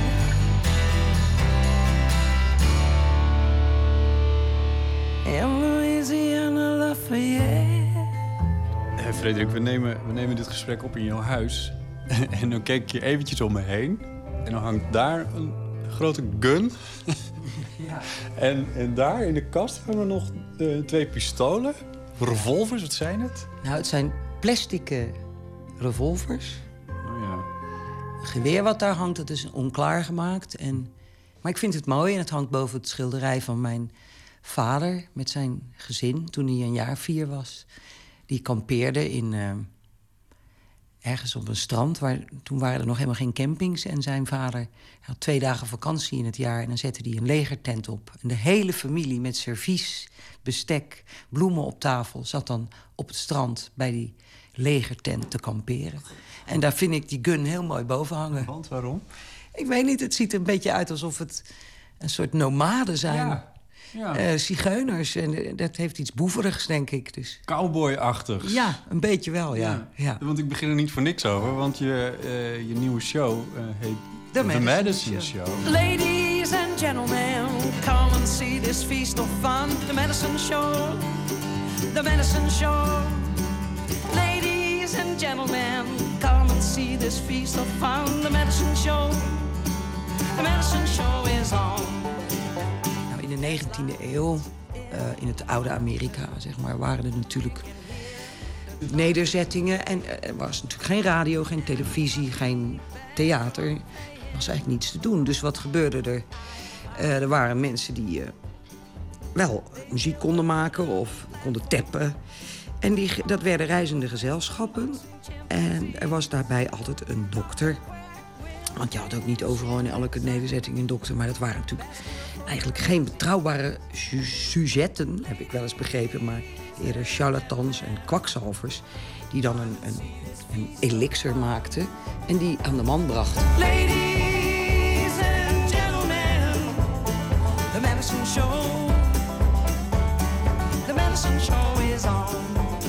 En dan kwam zo'n reizend gezelschap aan in de bergen... en dan hoorde je een ezel balken en een banjo spelen... en dan liep die hele nederzetting uit van geluk omdat er wat gebeurde. Ze bouwden dan een podium en deden daar hun kunsten. En daar werd ook de snake oil of elixir werd daar aan de man gebracht. Ja, de snake oil salesman. Dat was in mijn eerste associatie ook. En de snake oil, eh, weet ik dan, is... eh, er waren natuurlijk ook in de 19e eeuw al Chinezen in eh, Amerika als gastarbeider. En die hadden een recept van de Chinese waterslang. En dat zou dan heel goed voor je gewrichten zijn, maar ik geloof overal voor. If you're suffering from mental cheddar, aching stomach, liver gallbladder, Dr. Quack's tonic will make you feel better. Ik heb nog ooit eens een documentaire gezien van mensen die, zeg maar, overlevenden... die dus nog echt wisten wat een medicine show was. Die het zelf nog hadden meegemaakt. Ja, en zelfs hadden meegedaan. Ja, het was prachtig. eh, want het, is allemaal op, het was allemaal zo primitief. Soms was het maar één huifkar. Waren een aantal mensen in reizen en een paar ezels. Het, waren natuurlijk ook, het was niet per definitie altijd een groot gezelschap.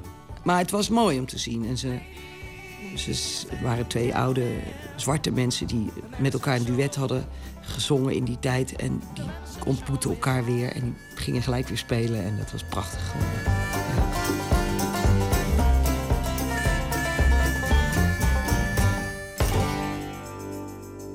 Ik voel me een beetje zo. Mensen zeggen altijd, ja, we gaan naar jou toe. Of ze komen naar het theater jou zien, maar wij gaan ook naar jullie als publiek.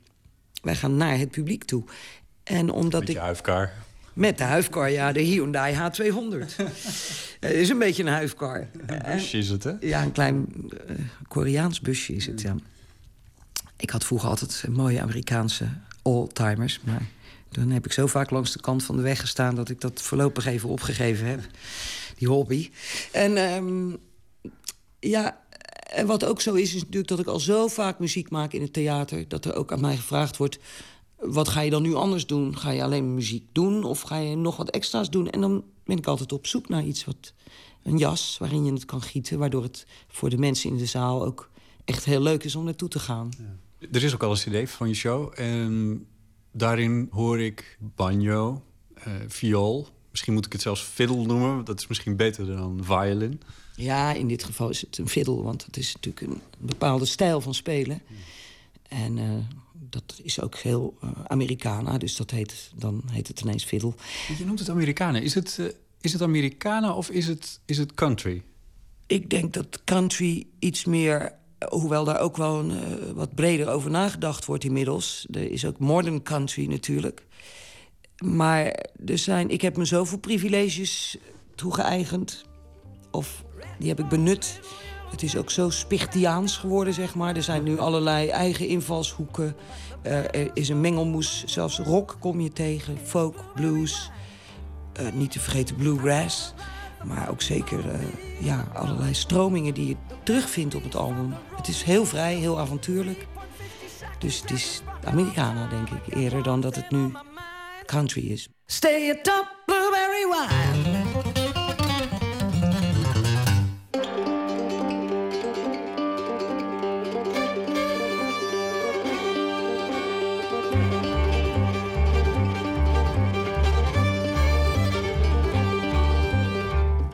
Mijn oren is het knappe countrymuziek die gemaakt wordt. Americana, maar in ieder geval die, die elementen van de, de fiddle en de banjo... Die, die, die zitten er heel knap in. Ja, laat ik zo zeggen. Ik heb wel het idee dat, het, dat de arrangementen heel, klop, heel goed kloppen. Maar daar is dan ook heel goed over nagedacht. Dat is ook een leidensweg af en toe. You were just a face in the crowd. You were just a face in the crowd. Dan, dan even over eh, dat uh, Tom Petty nummer. Dat is, dat is de enige cover die erop staat, hè? Ja, Face in the Crowd is altijd een van mijn favoriete Tom Petty liedjes geweest. En ik had er een idee voor, dus... En ik vind het toch wel leuk om dan zo'n uitstapje te maken op een album. Ja. Spichtiaans gemaakt. Heel Spichtiaans gemaakt, ja. Out of a dream. Sky. Heb je dan, als je die demo aan het maken bent... heb je dan dit al helemaal in je hoofd? Nou, dat zijn soms... Ja, nou ja, dat is heel verschillend. Je hebt, ik heb soms een heel lied in mijn hoofd. En dan weet ik ook al hoe ik het wil arrangeren. Maar er zijn ook uh, liedjes in mijn hoofd die een heel traject doorgaan. Die blijven dan ook sluimeren. Want dan ben ik er nog niet tevreden over. En dan denk ik, oh Mike, ik moet dat natuurlijk op een banjo. En ik moet dat couplet, dat, dat refrein en textueel ook... dat kan dan alle kanten nog op. En dat is eigenlijk een van de leukste dingen om te doen, vind ik zelf. Het, het geboren laten worden van een, van een lied. Dat is zo'n fijn proces. En als het er al gelijk is, ben je ook heel gelukkig hoor. Maar als het dan nog ja, allerlei stadia doormaakt... en het wordt uiteindelijk toch een mooi lied... dan is dat een heel fijne fase, vind ik. Before all of this ever went down in another place, another town. You were just face in the crowd. You were just a face in the crowd out in the street walking around, a face in the crowd.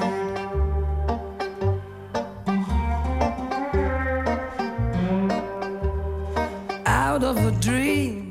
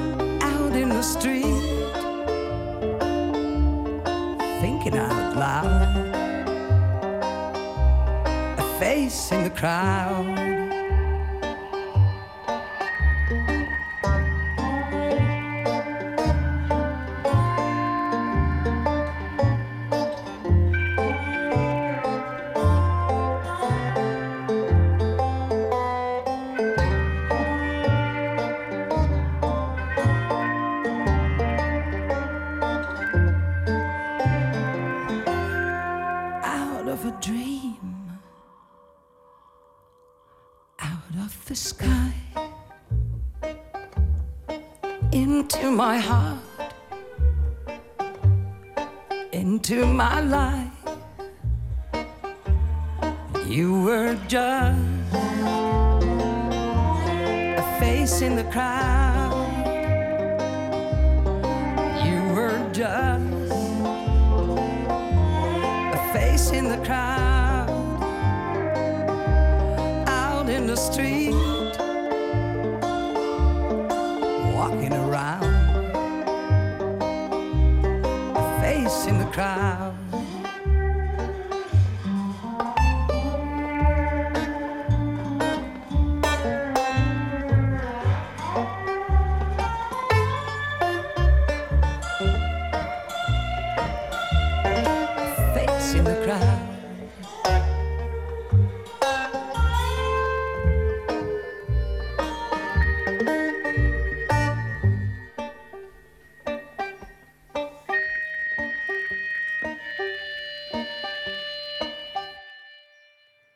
Face in the Crowd, gezongen door Frederik Spicht. Een nummer dat oorspronkelijk van eh, Tom Petty was uit 1989. En dat eh, komt van haar nieuwe album The Medicine Show. En eh, ze toert tot begin januari door Nederland. Nooit meer slapen. Ophef in de Verenigde Staten over een eh, partij speelgoedpoppetjes die te koop staan in de speelgoedwinkel Toys R Us. Een bezorgde moeder stelde een petitie op en kreeg de winkel zover dat het uit de schappen werd gehaald. Correspondent eh, Botte Jellema is onze nachtcorrespondent, weet van de hoed en de rand. Want wat hebben deze speelgoedpoppetjes allemaal op hun geweten? Ik zal eerst even laten horen om welk soort gevaarlijk, onwijs gevaarlijke figuurtjes het nou eigenlijk gaat.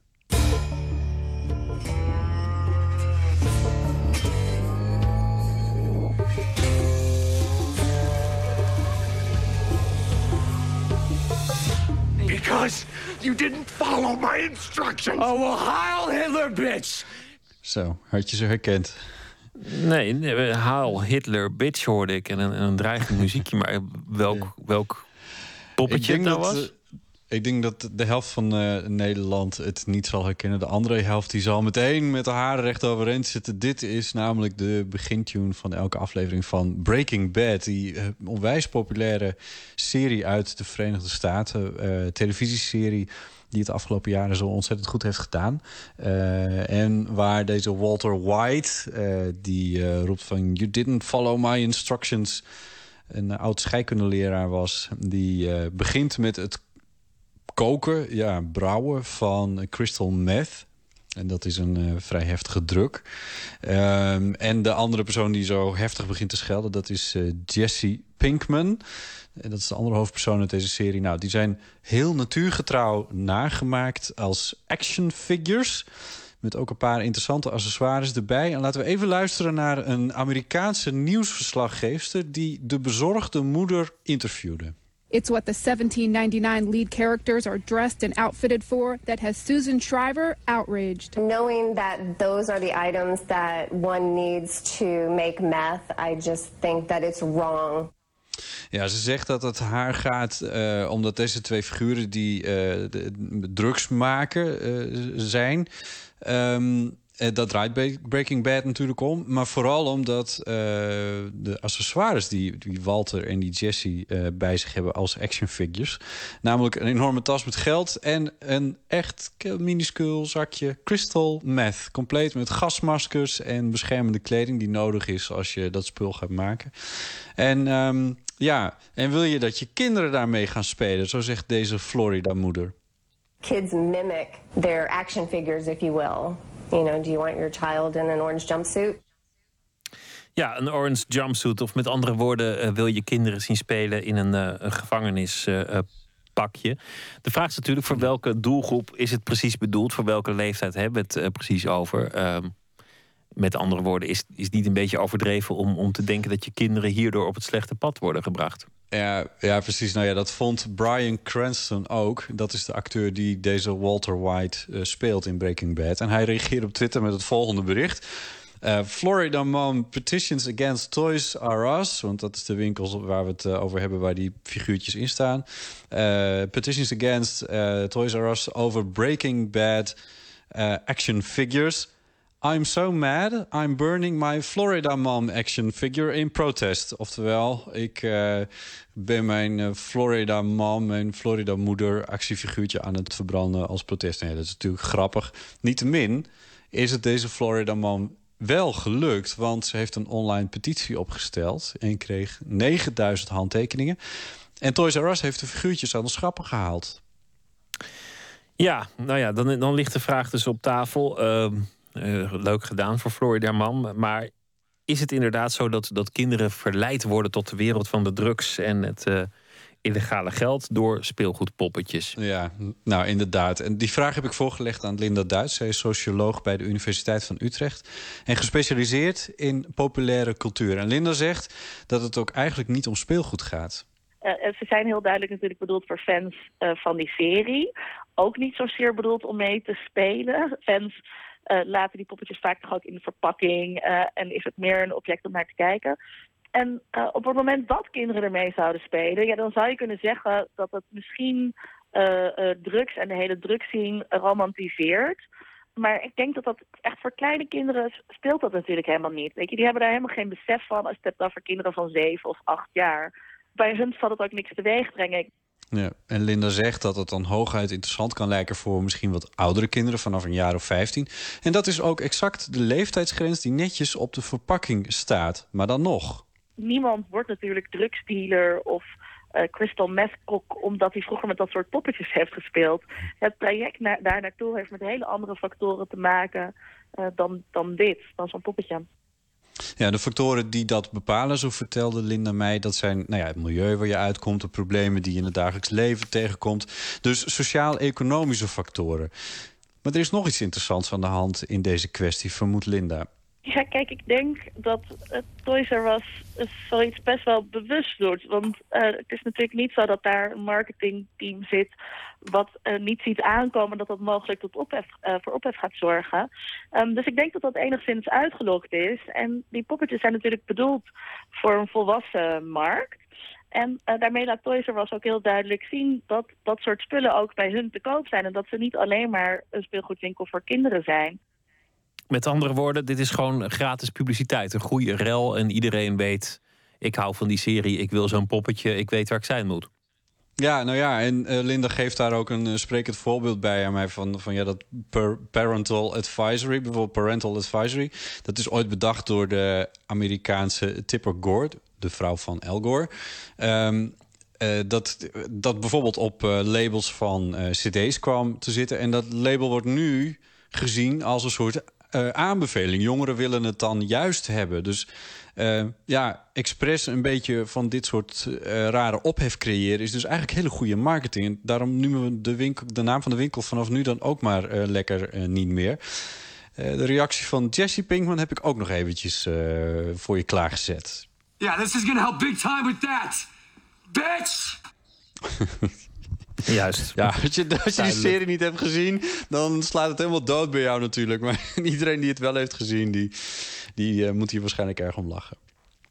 Ja, het, het is een, een, heel oude raasje eigenlijk. Een, een serie of een film die succesvol is, daar komt dan ook meteen een poppetjesvariant van. Dat, dat uh, was vroeger dan de A-team of uh, E.T. Of nou ja, dat was dan in mijn jeugd. Ja. Maar sindsdien is het eigenlijk altijd zo geweest dat populaire series ook een plastic variant moeten krijgen. Maar het leuke is dat mensen van dat leeftijdsgenoten van jou... die poppetjes dus kennelijk nog steeds kopen. Bijvoorbeeld als ze Breaking Bad hebben gezien. Maar dan niet zozeer om ermee te spelen... want dat doe je dan natuurlijk niet, niet zo snel meer. Maar uh, om, om ze ja, in de kast te zetten om er naar te kijken of zo. Want dat is dus echt waar deze twee uh, poppetjes... deze Heisenberg en Jesse uh, voor gemaakt zijn. Ja, merkwaardig. Maar goed, dat moet iedereen lekker zelf weten, natuurlijk. Ja, je kan ze in Nederland trouwens... Uh, ik, ik heb ze in Nederland niet te koop gevonden online. Er kon natuurlijk niet alle winkels aflopen. Uh, maar wel bij een Belgische webshop. En dan heb je voor 1995, als je dat leuk vindt... dan zou je dat uh, kunnen doen. En wat ook nog wel aardig is om te melden... is dat er is ook nog een andere petitie in de Verenigde Staten. En die heeft de naam Keep Breaking Bad Figures on Toys R Us Shelves... En die heeft inmiddels 6000 handtekeningen. Dus die staat al op twee derde van de eerste petitie. Nou, dankjewel. Ik eh, wacht nog even, want ik wacht al jaren op een eh, Peter R. de Vries eh, action hero poppetje. en als die er komt, dan krijgt hij een prominente plek in mijn huiskamer. Dankjewel, Botte Jellema. Graag gedaan. Jonathan Rado en Sam Friends vormen sinds 2005 de band Foxygen. Hebben zojuist End Star Power uitgebracht. Een dubbelalbum met maar liefst 24 nummers. En eh, 82 minuten duurt het in totaal. We gaan luisteren naar Could Have Been My Love.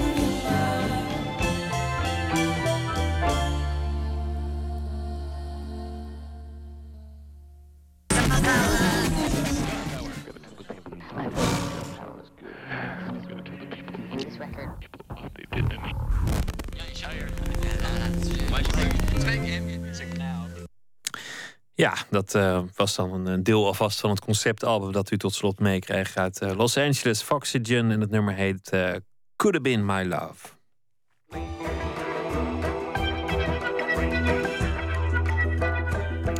Komende zaterdag in Amsterdam vindt de allereerste editie van het Brainwash Festival plaats. Een festival dat mensen wil laten nadenken over de grote vragen van dit moment. Op persoonlijk zowel als maatschappelijk gebied.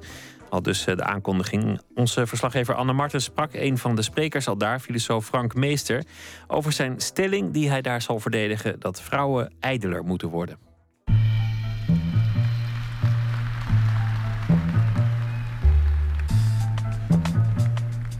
And now, ladies and gentlemen, we would like to do for you. Dit weekend vindt in Amsterdam het Brainwash Festival plaats. Dit is een festival met filosofie, kunst, film, theater, wetenschap en muziek. Een van die sprekers is filosoof Frank Meester. Hij zal daar een pleidooi houden over dat vrouwen ijdeler moeten zijn. For your approval, ladies and gentlemen, for your enjoyment. Nou, ik kwam daarop omdat er toen weer eens, zoals wel vaker, in het nieuws was... dat vrouwen niet zo vaak in het nieuws zijn. Er zitten te weinig vrouwelijke deskundigen in beeldbepalende nieuws- en praatprogramma's als onder andere De Wereld Draait Door. Gasten bij ons aan tafel, zo heeft zij laten onderzoeken, zijn nog steeds 70% mannen. En dat is geen goede afspiegeling van onze samenleving. Dat moet veranderen.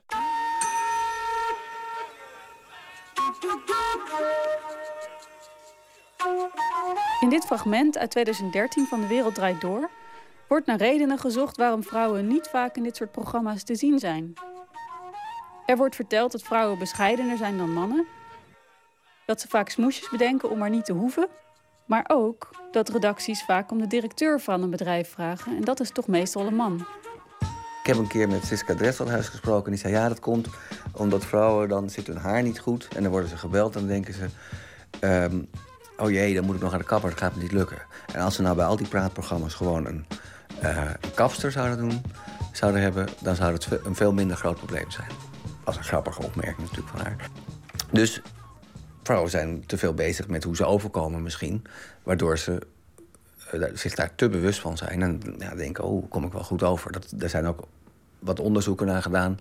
En dan blijkt dat vrouwen van zichzelf denken. Dan hebben ze gevraagd, waarom denk je dat vrouwen minder... bijvoorbeeld in praatprogramma's willen verschijnen? Nou, daar zegt heel veel, zeg, zijn inderdaad bang... dat ze bijvoorbeeld ook een blunder maken... eh, dat ze geen antwoord weten op alle vragen. Dus ze zijn allemaal zijn blijkbaar iets angstiger. Hè, dat blijkt eruit. En dat blijkt niet alleen uit onderzoek dat vrouwen dat trouwens vervelender vinden, maar dat vrouwen er ook eerder op afgerekend worden. Dus blijkbaar zijn vrouwen minder goed in het zichzelf presenteren als belangrijke personen. Een paar jaar geleden schreef Frank Meester het boek Zie mij, waarin hij beweert dat ijdelheid geen negatieve eigenschap is, maar juist een deugd. Nou, al die dingen waren toen in het nieuws. En toen dacht ik, nou, ze moeten eigenlijk ijler zijn. En dat, dat vond ik een grappige gedachte, omdat het in eerste instantie denk je, nee, dat is juist andersom. Maar dat, dat heeft dus alles te maken met eh, mijn idee van ijdelheid. Dat ijdelheid, eh, bij ijdelheid denk je heel snel aan uiterlijk. Hoe je je opmaakt of hoe je je haar zit en zo. En dat heeft natuurlijk ook met ijdelheid te maken, want het gaat ook om hoe een ander naar jou kijkt. Maar ijdelheid heeft, denk ik, voor een groot deel ook te maken met, met in zijn algemeenheid hoe je wil overkomen. En ehm, dus dat betekent niet alleen maar dat je je goed kleedt of zo, maar dat betekent bijvoorbeeld ook dat je misschien graag een boek schrijft. Noem iets, want dan ben je opeens een schrijver. En misschien vind je het leuk om als schrijver over te komen. En zo zijn er allerlei ehm, dingen die mensen, denk ik, gedaan hebben. Voor een deel ook omdat ze graag daarmee in de aandacht wilden treden. En ehm, wat je daarvoor moet doen, is ook een beetje bluffen. Je moet af en toe, als jij een dichter wil worden, dan, ja, dan is er een moment dat je moet gaan zeggen: Nou, ik ben een dichter. En misschien ben je nog niet helemaal dichter, maar je, je anticipeert daar al een beetje op. Je moet als het ware dat idee van wat jij met je leven wil, moet je al een klein beetje vooruitwerpen. En nu al daar een beetje op anticiperen om dat uiteindelijk ook te kunnen worden.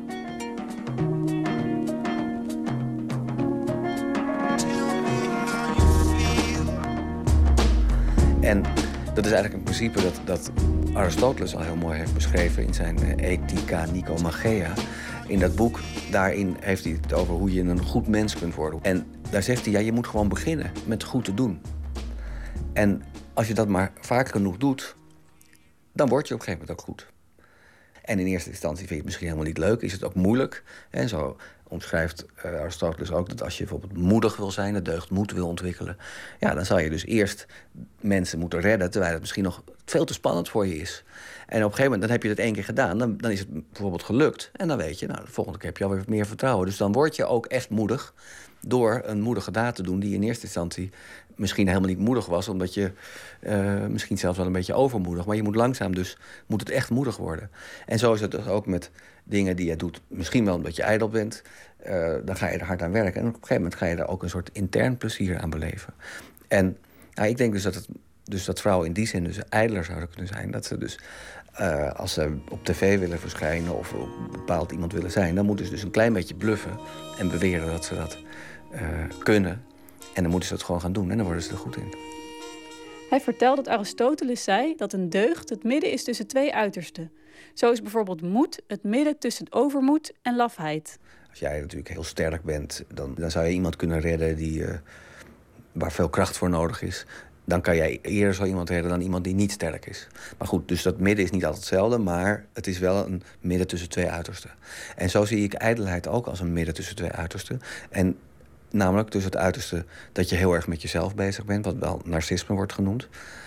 En het uiterste dat je juist heel erg met anderen bezig bent.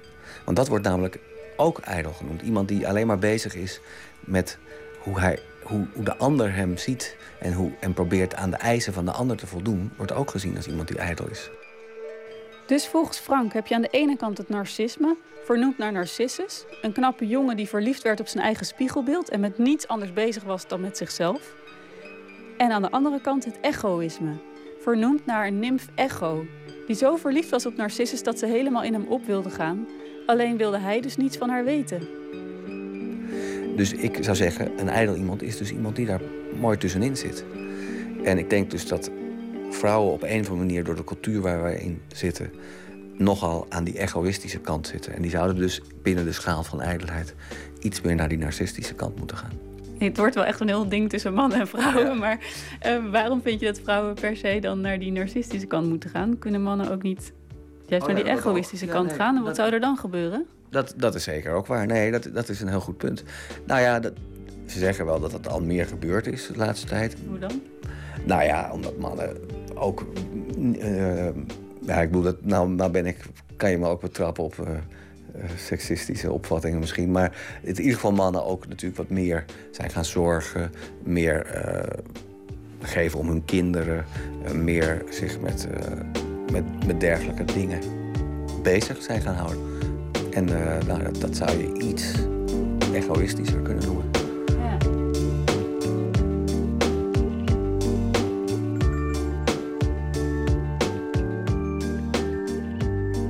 Stel nou dat we dit pleidooi in de praktijk gaan brengen.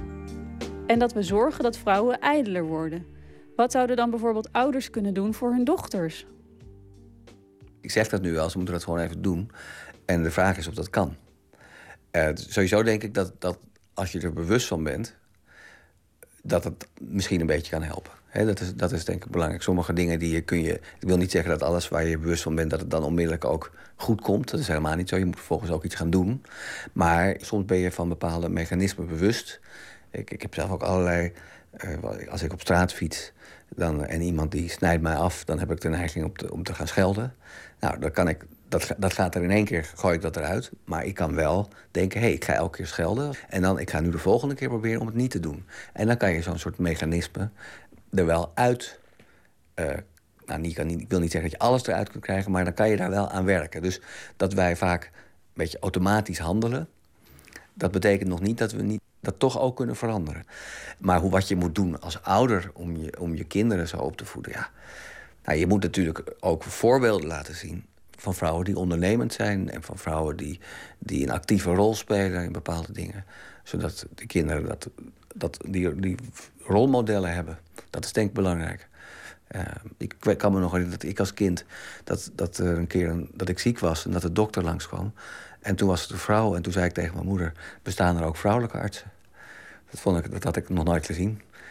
Nou ja, dat soort inzichten. Als ik dus wat meer vrouwelijke artsen had gezien, dan had ik dat weer minder gek gevonden. Nou, ik denk dat je ook je kinderen dingen moet laten doen. Je, je kinderen moet je al zelf ook eh, op een podium af en toe iets laten staan. Op een klein podium vragen of ze iets voor, voor, voor, voor tantes en ooms willen doen. Ik noem het, ze moeten een be- beetje gewend zijn aan, aan iets in het openbaar zeggen. Ehm, en dan moet je niet zozeer, als er een speech gehouden wordt, meteen de oudste jongen naar voren schuiven. Maar misschien ook eh, de oudste dochter. Of de jongste dochter.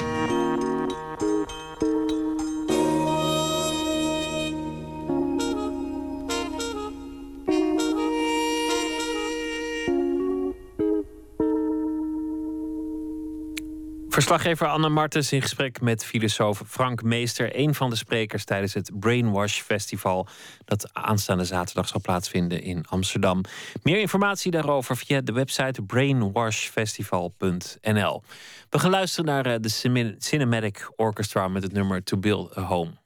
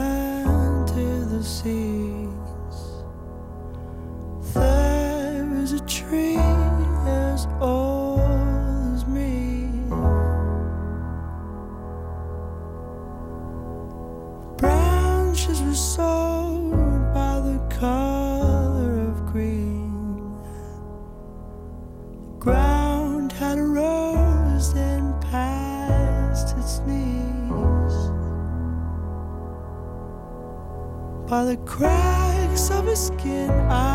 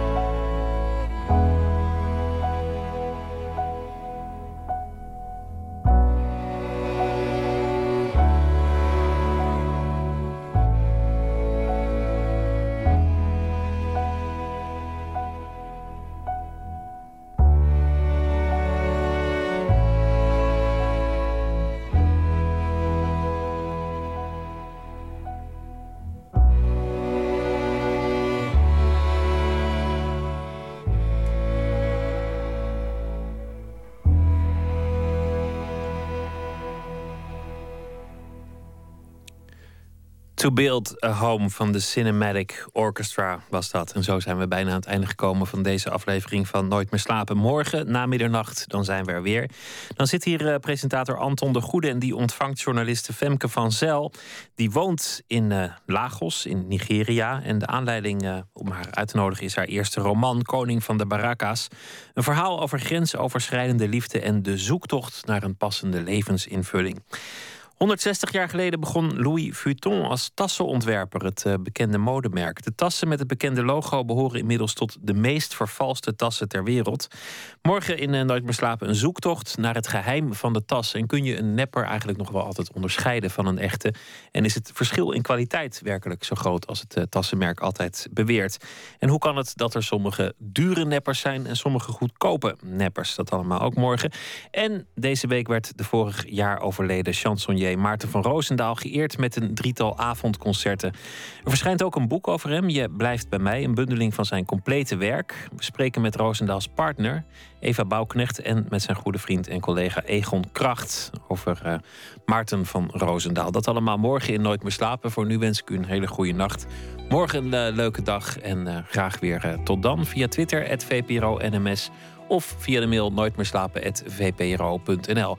Zometeen de Nachtzuster met Astrid de Jong. Het uh, concept is bekend. Iemand die een vraag heeft, kan hem uh, vragen. En iemand anders die het antwoord weet, die kan ook inbellen 0800 1121 als u een vraag heeft. En uh, de Nachtzuster die zal dat allemaal in goede banen leiden.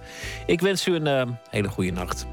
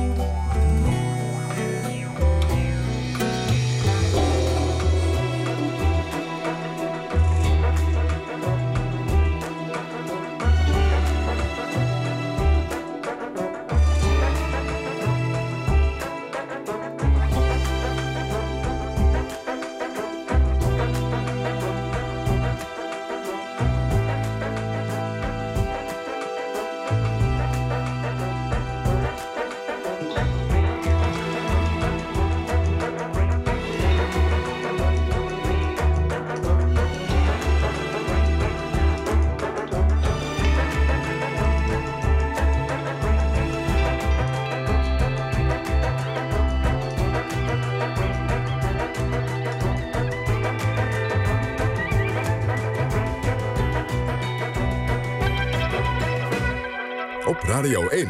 Het nieuws van alle kanten.